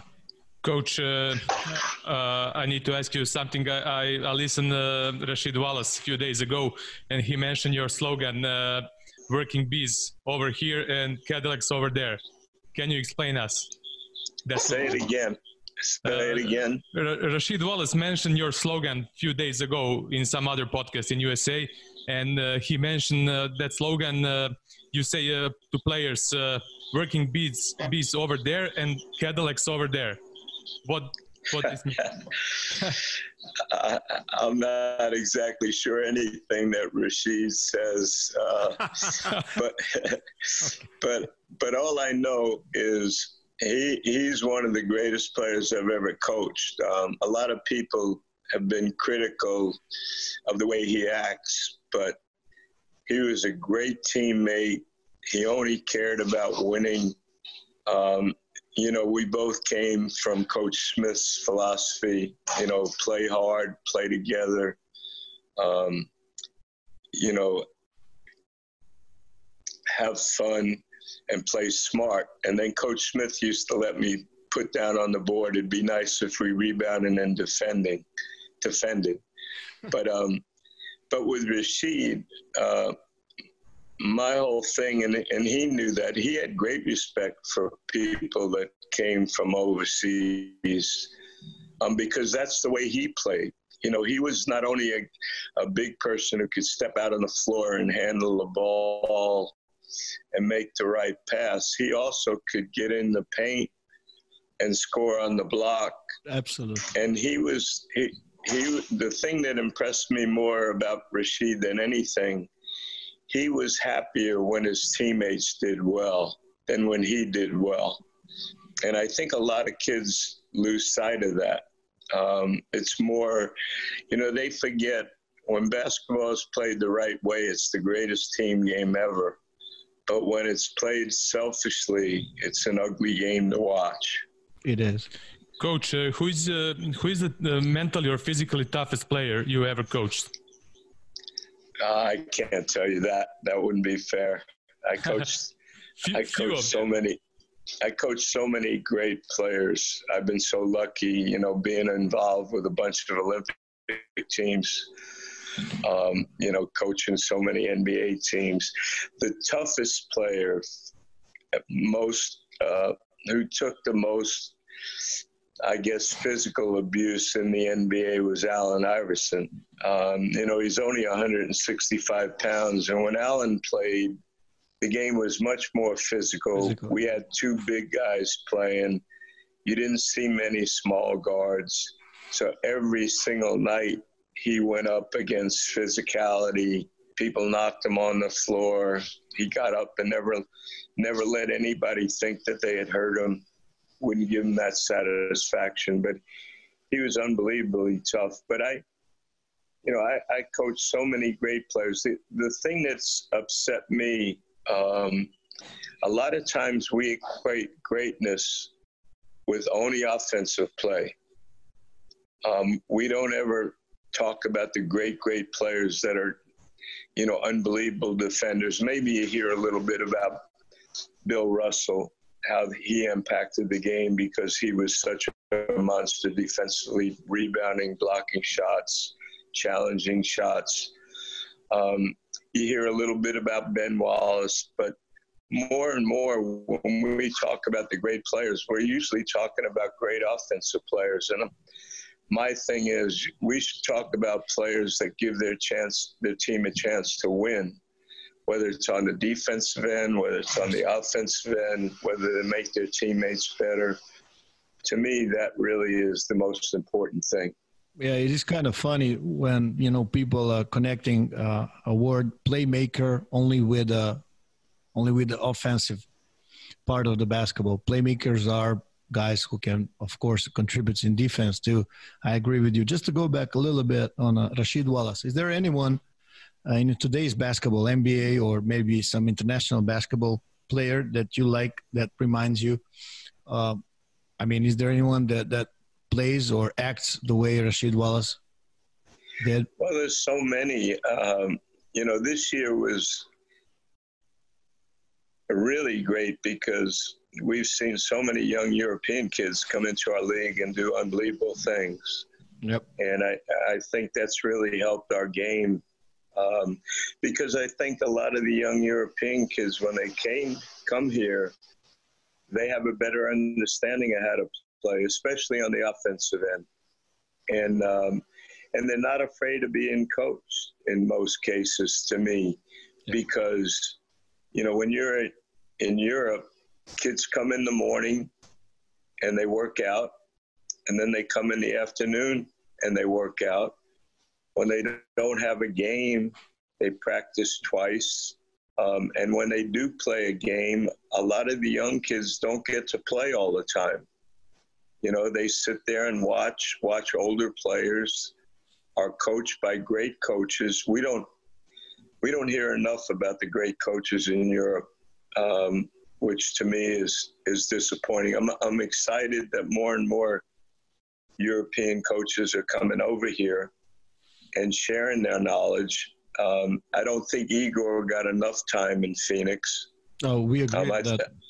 Um, if you look at all the players that Phoenix traded over the years, it's mind-boggling.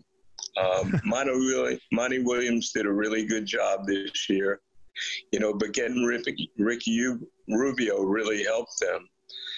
You know, they got a point guard to play with Booker and play with Ayton. Um, you know, and they made some good selections, but they lost the two Morris twins. They lost Dragic. They lost Warren. Um, I can go on and on. They gave up on Jeremy Lin early. They gave up on Jackson, who was the third pick in the draft. They gave up on another kid from Europe who I think I, I can't pronounce his name, her singer or something like that, but he was the fifth pick in the draft. They gave up on Bender. Um, you can't you can't expect young kids to contribute right away, especially to teams that aren't ready to win. You got to give them a chance to develop. But um, I, I just I just think the influence from European coaches and European players to me is having a real positive effect on our game. I I could watch Jokic play over and over again. Um, I'm thrilled that he's lost weight because since he's lost weight, he's gotten better. Yeah. Um, I watched Mark Gasol. I think his game has changed over the years as he's gotten older. But as old as he is, he's still a a willing defender, an unbelievable passer, a great screener. He doesn't care if he shoots the ball, which I think I think is important because you mentioned early on, you know, number of possessions, shots coming up quickly. I'm not opposed to that, but I don't want everybody shooting it a three point shot. Yeah. It's not an equal you know, opportunity. I, yeah, I remember I coached the USA team that went to Bormio against the Yugoslavians. that, was my, that was my next question about Bormio. Yeah, I, I was with Gary Williams. We only had eight practices. Um, the Yugoslavian team practiced for months. And I remember I got up every morning and walked with Gary. Gary, we walked the mountains, and every morning I saw the whole Yugoslavian team running the hills before practice or before a game and they had Divac, you know, um, Raja, Toni Kukoc, um, Danilovic. Um, they they were amazing to me. Not only were they amazing, the maturity of, of the way they played was incredible. And I think we lost to them in the semis. I mean, uh, in the in the pool round, and then we lost to them in the finals. And I think Toni might have made 13 or 14 three pointers in one 11, game. 11, I think. Yeah, 11, 11 11, 12. three points. 11 yeah. of 12. Yeah, and I, Gary Walters and I would walk every day, and and we just marvel over the quality of play. We we didn't have enough time to practice, but I think if we would have practiced for three years, we still wouldn't have beaten that team. They were so well coached. Um, they understood how to play, and the talent level was incredible. You know, I I, couldn't believe how good Vladdy was and I couldn't believe how good Toni was. He, you know, Toni, I thought Connie Hawkins was the best 18 year old I've ever seen play, but I, I thought at that time Toni Kukoc was as good as any young player I've ever Yeah. watched. Coach, um, eight teams in the playoffs under your command. Am I right? In the NBA, I think eight teams in the playoffs. Yeah, only one didn't make it uh, And that I co- that I Yeah. coached. so I guess you're the right person for this question. What is winning basketball for you? So, like, you're in a new team. Obviously, you know how to make your guys win. And immediate impact. And how, how do you do that? Maybe, you know, I, I'm sure our viewers and listeners would be very happy to learn from you. What is winning basketball for you, for Larry Brown? I was the first one to say play the right way, and everybody everybody asked me to identify the right way. Um, I only took over one team that had a winning record, and that was Detroit. Um, and I I followed Rick Carlisle, Mhm. and uh, Rick Carlisle had a lot of the same values I had. Um, so that was I was very lucky there. But when you go to a team that's a, a losing team, usually there's a, a number of reasons. One, maybe there's bad management, um, where management wants to pick the players instead of letting the coach, who knows what style of play, pick the players. Um, maybe a bad locker room, because if you don't have everybody on the same page and guys sitting in the locker room helping young players, showing them how to be pros, showing how to be how to be a good teammate, that can hurt you. Maybe you don't have good players, or maybe the players aren't playing a style of play that they're mostly suited for.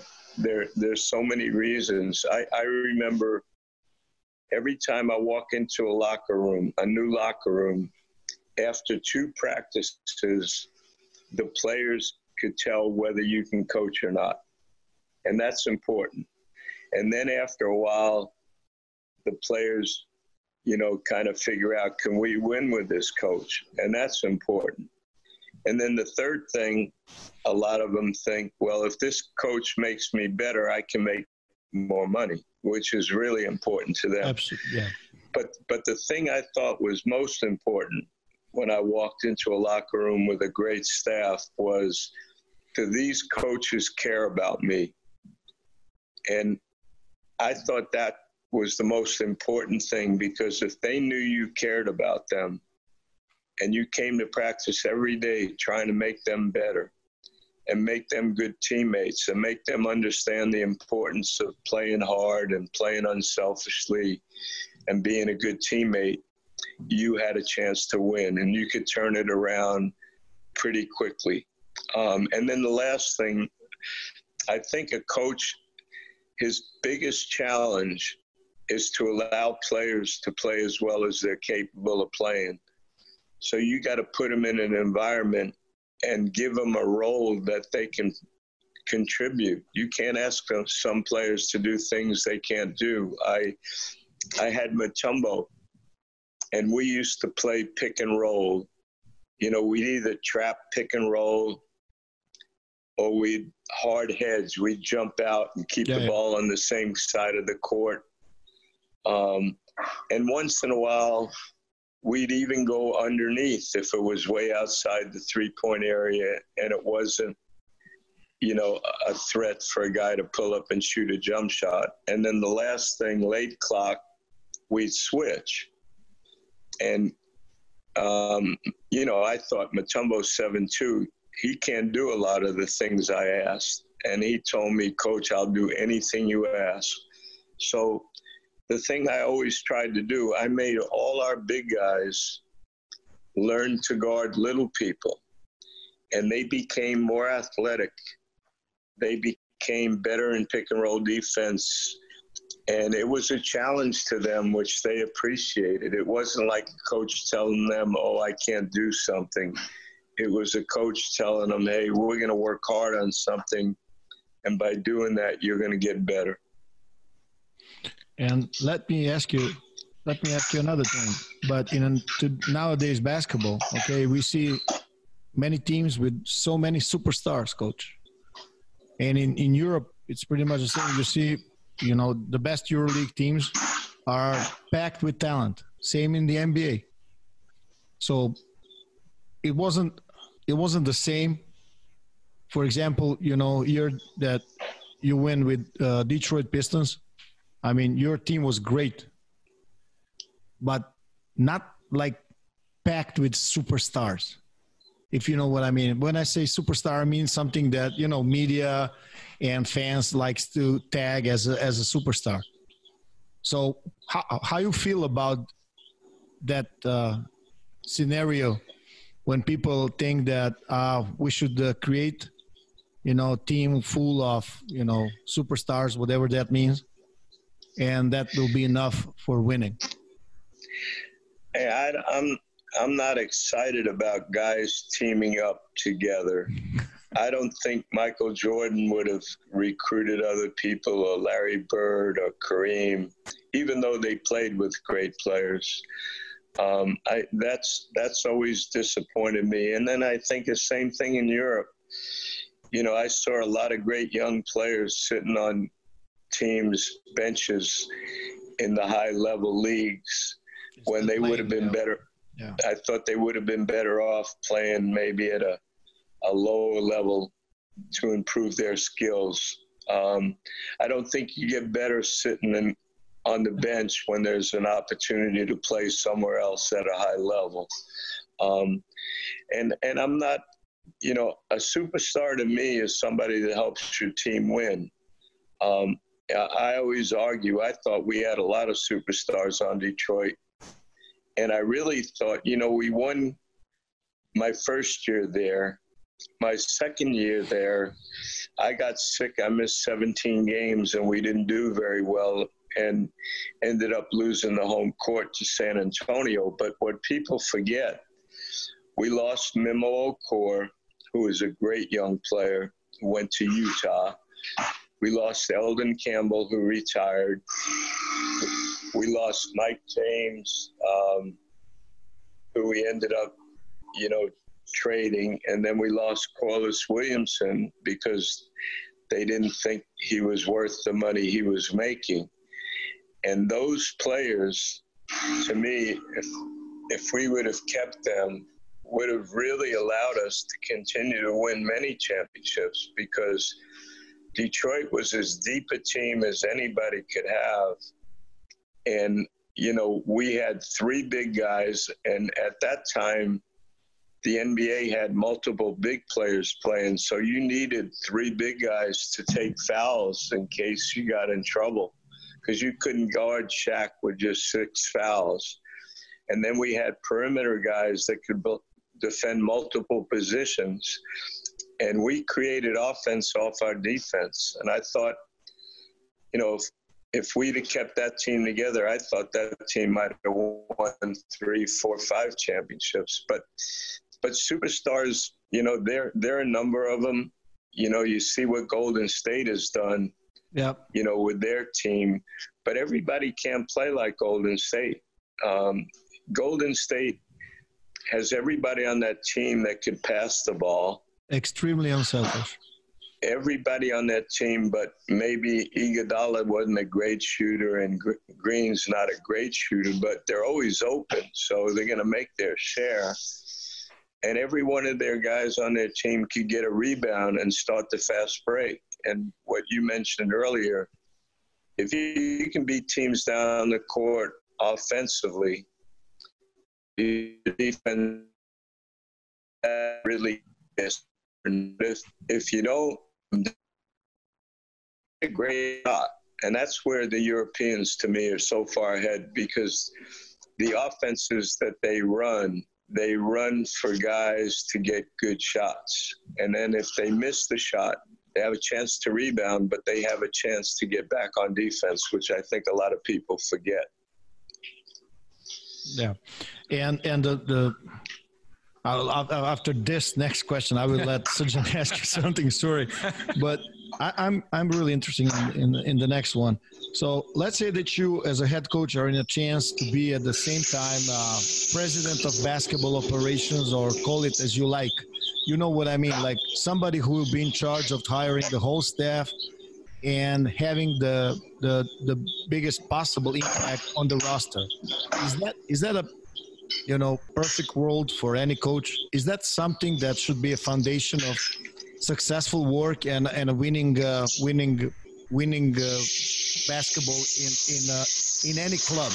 Meaning, if somebody is asking me to be responsible as a head coach, to be responsible uh, for the results and the way teams, uh, my players are playing and acting, I think I think the right way is to give me some kind of more of the responsibility, but at the same time more of power. I don't know. Do you, maybe I, I was not clear enough. Sorry. No, you you very clear. I I don't call it power, but I ran Philadelphia, and I ran San Antonio. Yep. And the places that I felt like I had the most success, I had a lot of input on the players that we we signed or coached. Um, I didn't want to be the president and the coach and then negotiate contracts. You know, I couldn't. I didn't want to tell a player, "I love you, but I can't pay you this kind of money." I, I thought that would be uncomfortable. I think one problem we have is you have a lot of GMs, a lot of presidents, a lot of scouts that are telling the coach, who he should coach. And they, they're not aware of the style of play or the things that the coach might value. And I think that's a terrible mistake. Um, when we used to have players come in and work out with us before the draft, we had we had maybe 55 to 60 kids come, and I would work them out. Um, I'd also watch on Synergy you know, watch guys play multiple games. And if I had a day off, I'd even go to some practices because so many coaches, you know, worked for me um, that I admired and I wanted to learn and I wanted to watch players play. But um, you can't have a GM or a president you know, tell you what kind of kids you want to coach without knowing the style you want to play and I think I think it's really really critical that the teams that do the best, in my mind, have a president and a coach and an owner that are attached at the hip. That they might disagree, but at the end of the day, every decision that's made, everybody thinks it was universally agreed upon.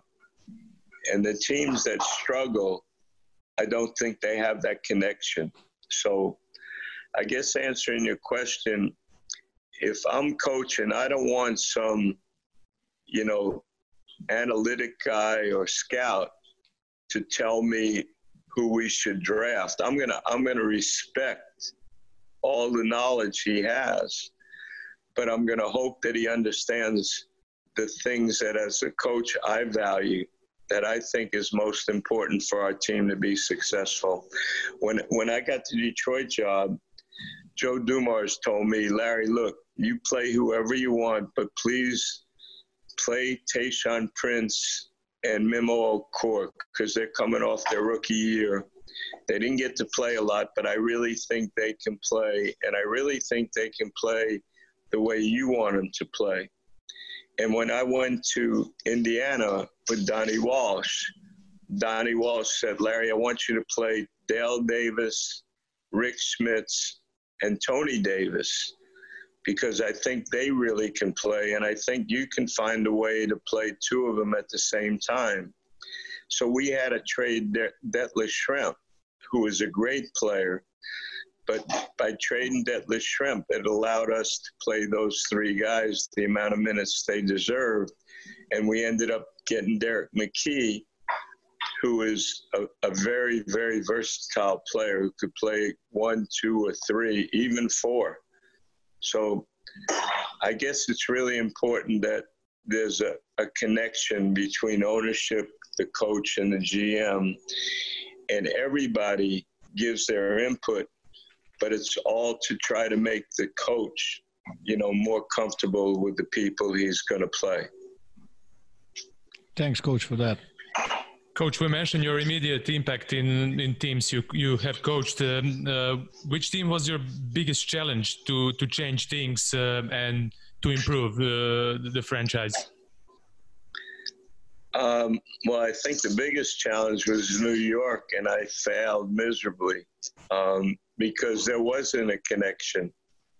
You know, I didn't get to hire my staff, which I think is really, really important. I can't understand, you know, how people tell you to, you know, who to hire. Um, that troubles me because I think loyalty is so important.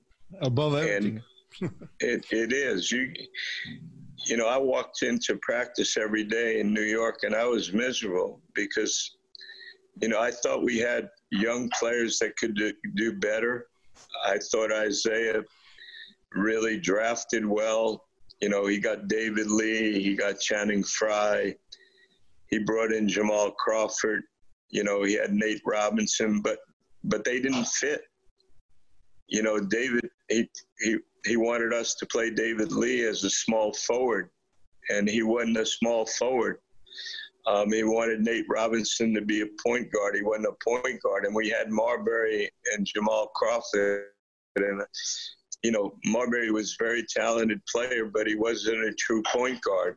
And to me, getting a center that blocks shots and rebounds the ball and anchors your defense and getting a point guard or multiple point guards that make everybody on the floor better on both ends is critical. So I had a hard time trying to figure out who to play and who would make each other better in New York. And I, I didn't do a good job because it, it just it didn't seem like we were all pulling in the same direction. Um, but every job is a challenge, um, and every job is a blessing.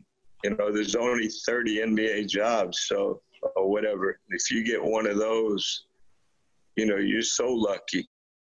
But you got to have people sitting next to you Sorry. that care about you um, and want to make you better every single day. You know, every day you go to practice, you're all on the same page. You're all trying to develop your players. You're all trying to make your team better, and and I think that's the only way you're going to be successful. Uh, your your toughest uh, rival among coaches or teams in the NBA and player, please, and player, of course. well, I mean, I respect every coach I play against. Um, you know, there's there's no one guy I look at and say, "Wow, you got to be on top of your game to beat him." I think there's there's so many so many good good coaches out there, and the the, the players are tremendous. Um, you know, but I, to me, it wasn't more beating a certain player; it was beating a team that understood how to play um, that didn't beat themselves. Um, I love the way Miami's culture is. You know, I think Pat Riley has developed a culture where the guys play so hard, play so unselfishly, try to guard.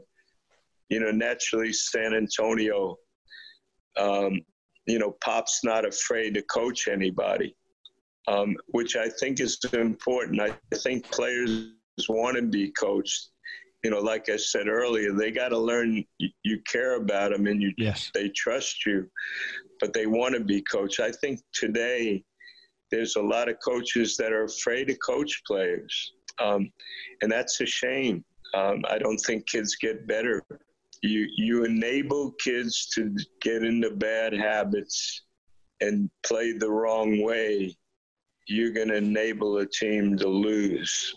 And you can't do that. You know, when I went to Europe, um, I watched the way the Europeans coached, especially the coaches from Yugoslavia before it was broken up and then after. I mean, those guys, they coached their players hard on both ends of the court. They demanded that they played the right way and they weren't afraid to coach them. And I think that's that's something that we're lacking here you know, even in the college level, when you know somebody's going to leave in one year, you have a hard time demanding things from him. You know, Coach Self or Coach Calipari, um, you know, Tony Bennett, people like that, they'll coach you. But there's so many coaches know they're going to lose a kid in one year or afraid a kid might transfer in a year.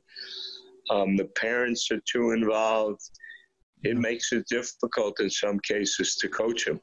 Yeah, I agree with you, what you said before. Like uh, once they know that you care about them, you know, and that you're really interested in them uh, being, you know, having benefits professionally and personally, I think they will follow you. And I'm not sure that, you know, they care about the way they're coached. As long as they believe that you're good for them, they will follow you. Okay, so that's that's basically that's that's basically how I understand what you're saying. Uh, you know what you're saying, telling us. Well, well, I think you said something that's really important. If you're fair and consistent, yeah, and honest, they'll follow you. I think they will recognize that. Yes, you can't fool them. Absolutely. And you know the other the other thing I think the European kids, they grew up in a culture early on that they're being coached. You know, now in the United States, my high school coach was great.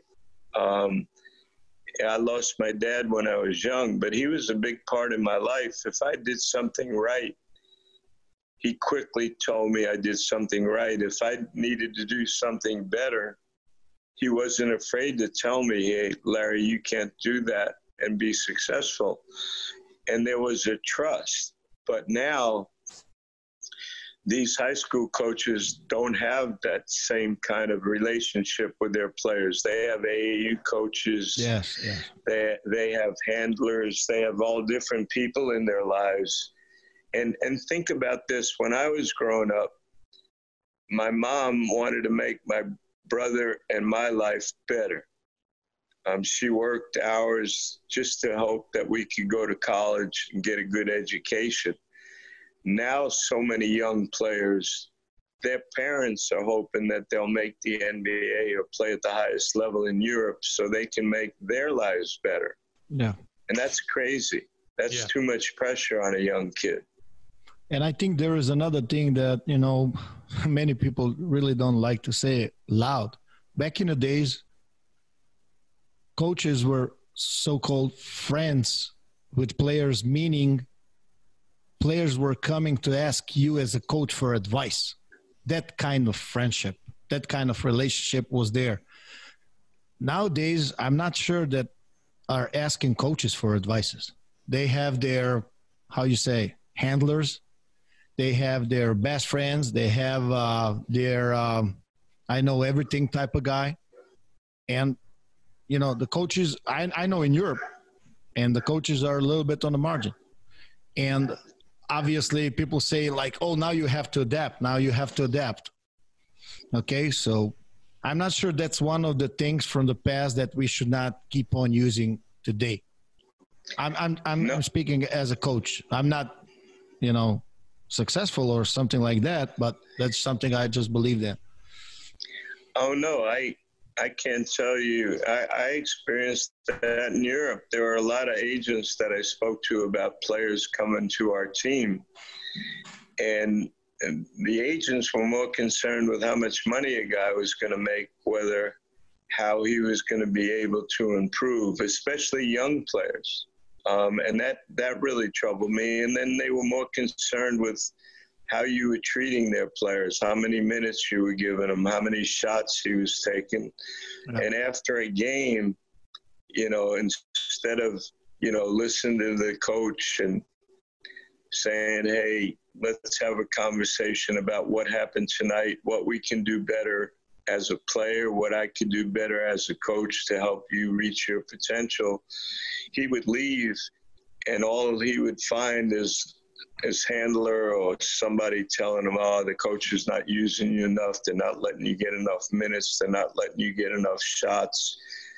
That doesn't help this young player develop. That doesn't help him develop a trust like you were talking about in his coach. And you can't do it that way. If if somebody gives you the responsibility to coach their son or somebody that they represent, they have to trust you and they have to champion the things that you're saying to him to help him get better and reach his potential.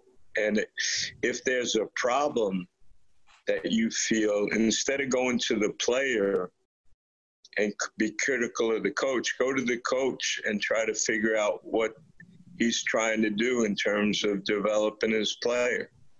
Um, but there's got to be unbelievable support on both ends, and it's it's it's kind of sad. This social media and having people have more people around them that give them their own opinions about how they should play and how how the coach is using them, to me, is counterproductive.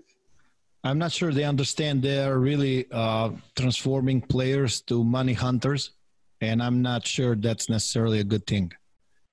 That's yeah, I, my, that's that's just my private opinion. Well, you know as well as I do, if you're good and money you help your team, yeah. you help your team win, money will be there. Yeah. I mean, to take a job for money to me is the wrong reason. To take a job to challenge you and make you the best player and person you can be is going to enable you to make money for a long, long time.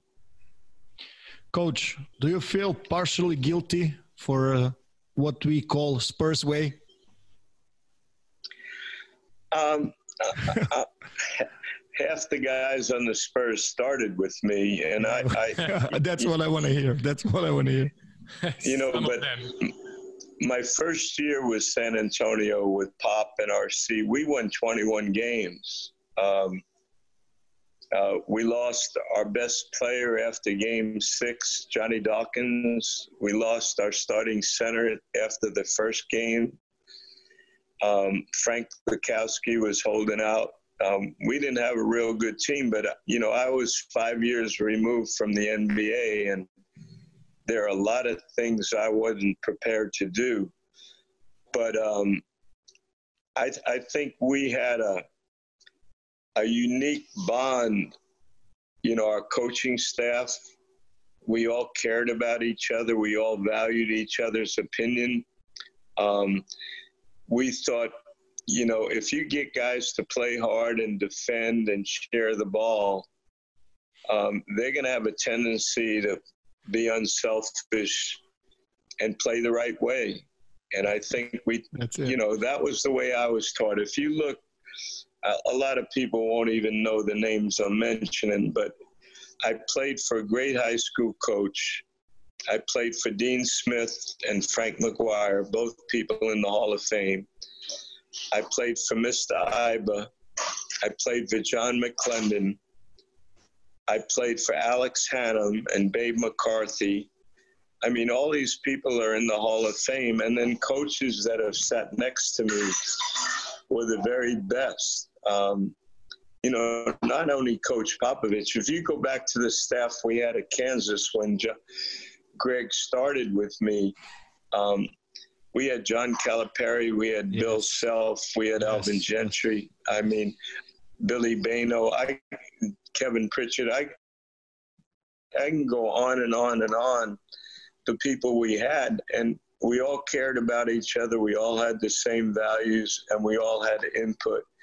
And Pop, you know, I don't know the San Antonio way, but I think Pop is not afraid to coach guys. All the people that work for him he allows them to have input, but at the end of the day, he does it his way, and they all understand that. And their whole whole job is to allow Pop to be able to coach the players he feels most comfortable. And and think about this: How would you like to start your NBA career with David Robinson and Tim Duncan on your team? Uh, that that's not a bad way to start. And yeah, then it would not hurt. And then they draft Ginobili, who a lot of people passed over, and then they draft Tony Parker, and every time they needed a certain piece to make them better or get them over the hump, they were smart enough to bring a Robert Horry in or a Dennis Rodman and they could bring those kind of guys in because the culture of San Antonio was so great. So even if you were a little different, you fit into what they believed in. Yeah.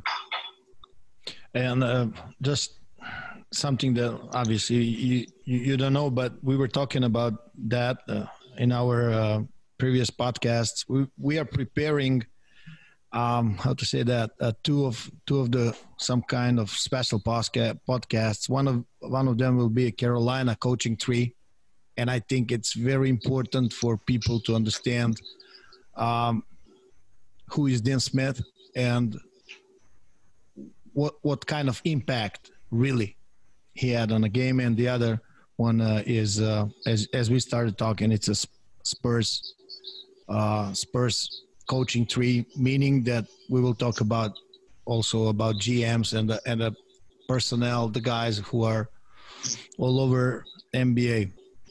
Uh, Sujan, you have something for the coach? Uh, just uh, want to, to, to ask you uh, uh about the playoff series before. Okay. So, okay. Go, so go please ahead. go on with that. One, one, one thing I'd like to tell you though, when when you talk about the great coaches, which we have so many. Um, Dean Smith, what he believed in, what he stood for, the impact he had on the game is the greatest ever. You know, people tease me, I don't have a tree, I have a forest. but That's a good one. But it, but it came from, you know, my relationship with Coach Smith and Coach McGuire um, because Coach Smith came from the Air Force Academy with Bob Spear, and that's where Pop came from. Yeah, and that's how Pop and I had a connection. But but Frank McGuire may be the greatest game coach I've ever been around, and Dean Smith. If you take the total package and what a coach is supposed to be like, uh, he's nobody's even close to him the way he cared about players, the importance he put on education, the importance he put on being a good human being. He was the first coach, you know, to integrate the ACC when I was his assistant coach. And at that time, it wasn't an easy thing to do, but he knew it was the right thing to do. He brought Charles Scott to the University of North Carolina because he was a great player and a great student. And he didn't care whether he was black or brown or white. He just knew he deserved to be there. And there were so many of us learned that from him and the way he conducted himself. Coach, can you tell us more a little bit about the Frank McGuire, New York Underground, the way he recruited New York kids, uh, you know, to playing in, in, in North Carolina? and so many so many good players from New York area. Well, he recruited my mother. Okay. Um, I, I, I, wanted I wanted to go to St. John's or NYU and stay close to home with her because my brother was away at college, and my mom told me, "No, you're going with Frank McGuire. He cares about you." Um, he he grew up in New York City. He was a baseball and basketball coach at Xavier High School. And he felt if he would recruit the New York area, all those kids knew how to play yeah. the way he felt comfortable coaching.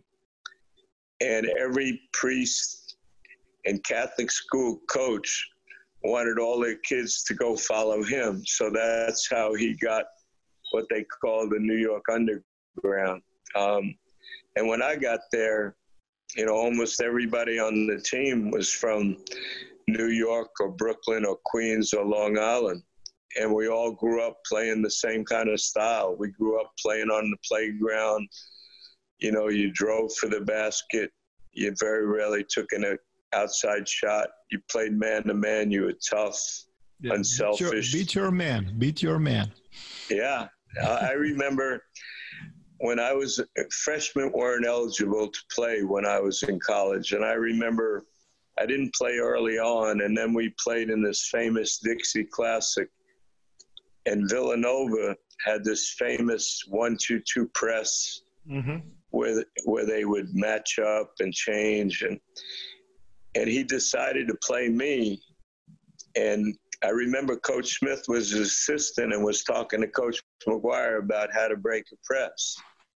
And Coach McGuire said, Look, you throw it to the little guard and he'll figure out a way to break a press. Or I should have recruited somebody who is better than him.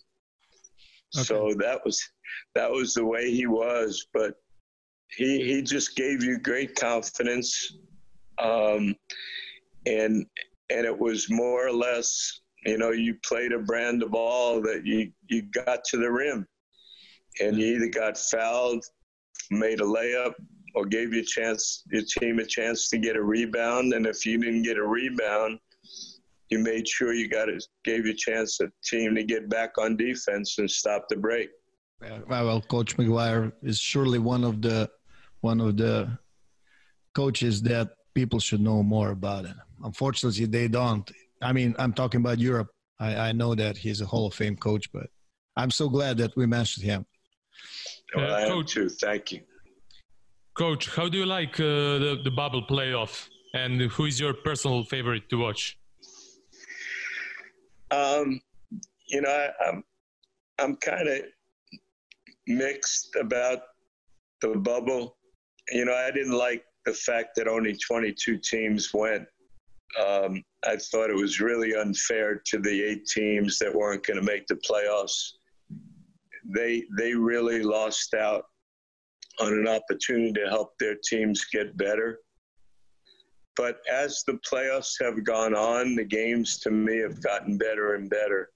Um, you know, not playing so long and just playing seven or eight games to prepare for the playoffs. I think the first round wasn't as good as, as what we're seeing now. Um, I couldn't believe Milwaukee almost won the last game against Miami with Miami having that lead so late. yeah. Um, I couldn't believe that, you know, they would foul Middleton late shooting a three, and then the referees would call a foul on Giannis as the clock runs out. Um, that would never happen years ago.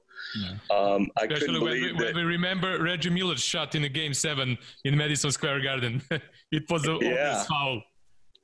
Yeah, I mean, they never would call a foul to end the game. End the game. I couldn't believe that Denver beat Utah 80-78. It brought back memories of the teams I coached. You know, when we'd get mad if somebody scored 80, and now I see teams.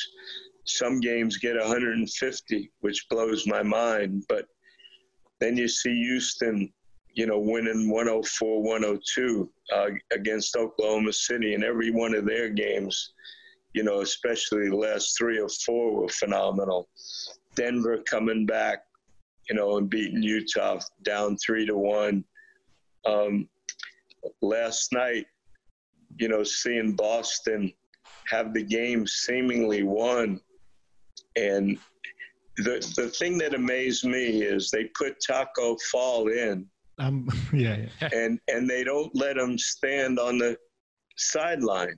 And and Kyle Lowry had plenty of room behind him to move back, and it wasn't fair because as soon as you put in Taco Fall, the referee told him to move away. So he goes from seven five to six five, which allowed Lowry to throw over his head, which he made a great play. Yeah. But to think that, you know, Toronto's got a chance to go down three to zero, and they make that shot. Um, that was that was phenomenal. I, I'm I'm starting to enjoy it more. I I miss the fans not being there, but I understand the reason they're not. Um, and I think the quality of play is getting better and better. I don't I don't know who I think could win. Uh, Just your you know, I, personal favorite to watch. Miami, coach. Say Miami, please. no, I, you know, I, I, I, admire every coach, to be honest with you. But I, I do love Miami because I think they play so hard. They make you earn every basket. They don't give up anything on transition. And even though they have a lot of guys that take shots from the perimeter, they're not surprised with the shots that are taken. Um, and they make the extra pass. You know, I always think we should give assists like they give in hockey. Second you know, assist, second pass. Yes. Yeah. Yeah. Assist, yeah. yeah. I always say the teams that make the extra pass are the teams that usually win because they don't surprise their teammates when they do take a shot. And most of their shots are good shots. Yeah. So they have a chance to get fouled, they have a chance to get a rebound, and they have a chance to get back, and they have a high percentage shot. Um, and and then to think that everybody on your team should shoot threes to me is crazy. And and then I don't see him running a ball screen on every play, which which is driving me crazy. They do have a lot of off screens. They have great shooters. They, I mean, they have different dimensions with different people. I mean, they are. I, I, I don't. I'm, I'm a, I'm a fan of Miami Heat. Sorry, but, but I well, am. think, think about, you know, Dragic. People forget how good he is, and he's not nearly as athletic as he was maybe three or four years ago. I agree with that, hundred percent. And he still, you know, gets to where he wants to go and makes the right pass, and then when it really means something he's not afraid to take a big shot. I think um, this is his best basketball ever. Uh, he, he's and he's another guy Phoenix gave up. Uh, blows my mind. yeah. Other guys, yeah. other guys. Okay. My last question, Coach, uh, about uh, about your your coaching career, uh, especially in the Pacers. Um, we mentioned your teams had played some uh, most memorable memorable ser series in playoffs history. Uh, what was your uh, favorite series? Is that uh, Pacers Knicks? Is that Pacers Magic? Is that Sixers Bucks? Is that uh, Pistons Lakers or some other? Well, I, I loved every team I coached. Um, I was lucky enough in the middle of the year to take over the Clippers and we went to the uh, playoffs for the first time in their history. And we had Utah beat um, when they had Jerry Jerry Sloan coaching with Karl Malone and John Stockton my first year, and we lost the deciding game in Salt Lake, and we had the lead. And I thought the referees kind of hurt us in that game, but that that team to me was with Ron Harper, Doc Rivers, um, Danny Manning, um, Charles Smith, Gary Gary Grant. I had a young team that was getting better and better by the minute, um, and we had them beat. I remember before the game, Jerry Sloan came up to me and said, "Larry." If the Clippers beat us in this playoff, I don't think I'm going to be the coach at Utah and they ended up coming back and winning the game. And I think he lasted 19 more years. So I, I love that series. And then I love my Philadelphia team. I'm not that I, please understand, I loved oh, every course, team I ever coached. Of course, but, uh, we understand that. But the Philly team, we had so many injuries that year. I had to pick up Raja Bell out of the YMCA. Um, a kid named Jermaine Jones ended up starting because George Lynch was hurt. Matt Geiger was hurt and only played very limited games. the he played the first game that we won, and he brought Shaq away from the goal, and we needed we needed him because he could take six fouls. You know, Mutombo wouldn't have to guard Shaq him, himself, and the only substitute when Geiger didn't play was a, a rookie named Todd MacCulloch, who was not physically mm-hmm. able to guard Shaq. Eric Snow had a stress fracture. I had guys like Kevin Ollie, Rodney Bruce, Buford, people that nobody heard of, but Allen was so great. And Aaron McKie and George Lynch, you know, were so unselfish, could defend like crazy. That that team was pretty special. Um, I, I can't go anywhere. You know, everybody mentions how great Detroit was, but I can't go anywhere where people don't say my favorite team to watch that you ever coached was Philly because they played so hard, and Allen Iverson was so so great, and uh, and Allen was. I, I don't think there'll ever be another talent like him. Uh, being that small, that physical, that tough, um, he was just sensational. Coach, it was our pleasure. It was our De- pleasure. Definitely. It was our pleasure. And thanks for your time. I don't know what to say. I mean, I, I will try to avoid big words. Sorry, but you know.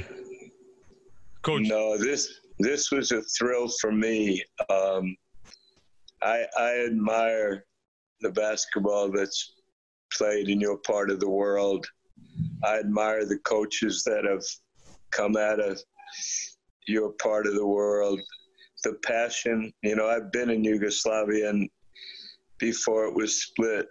I, I remember the passion that people had for the game and the knowledge uh, and the love for the game. It's it's how I was brought up. And then when I went to Detroit, um, because we drafted Darko Milicic, um, Igor came and Igor has become such an important part of my life, somebody that I love and admire. And then Yogi, you know, coming to San Antonio.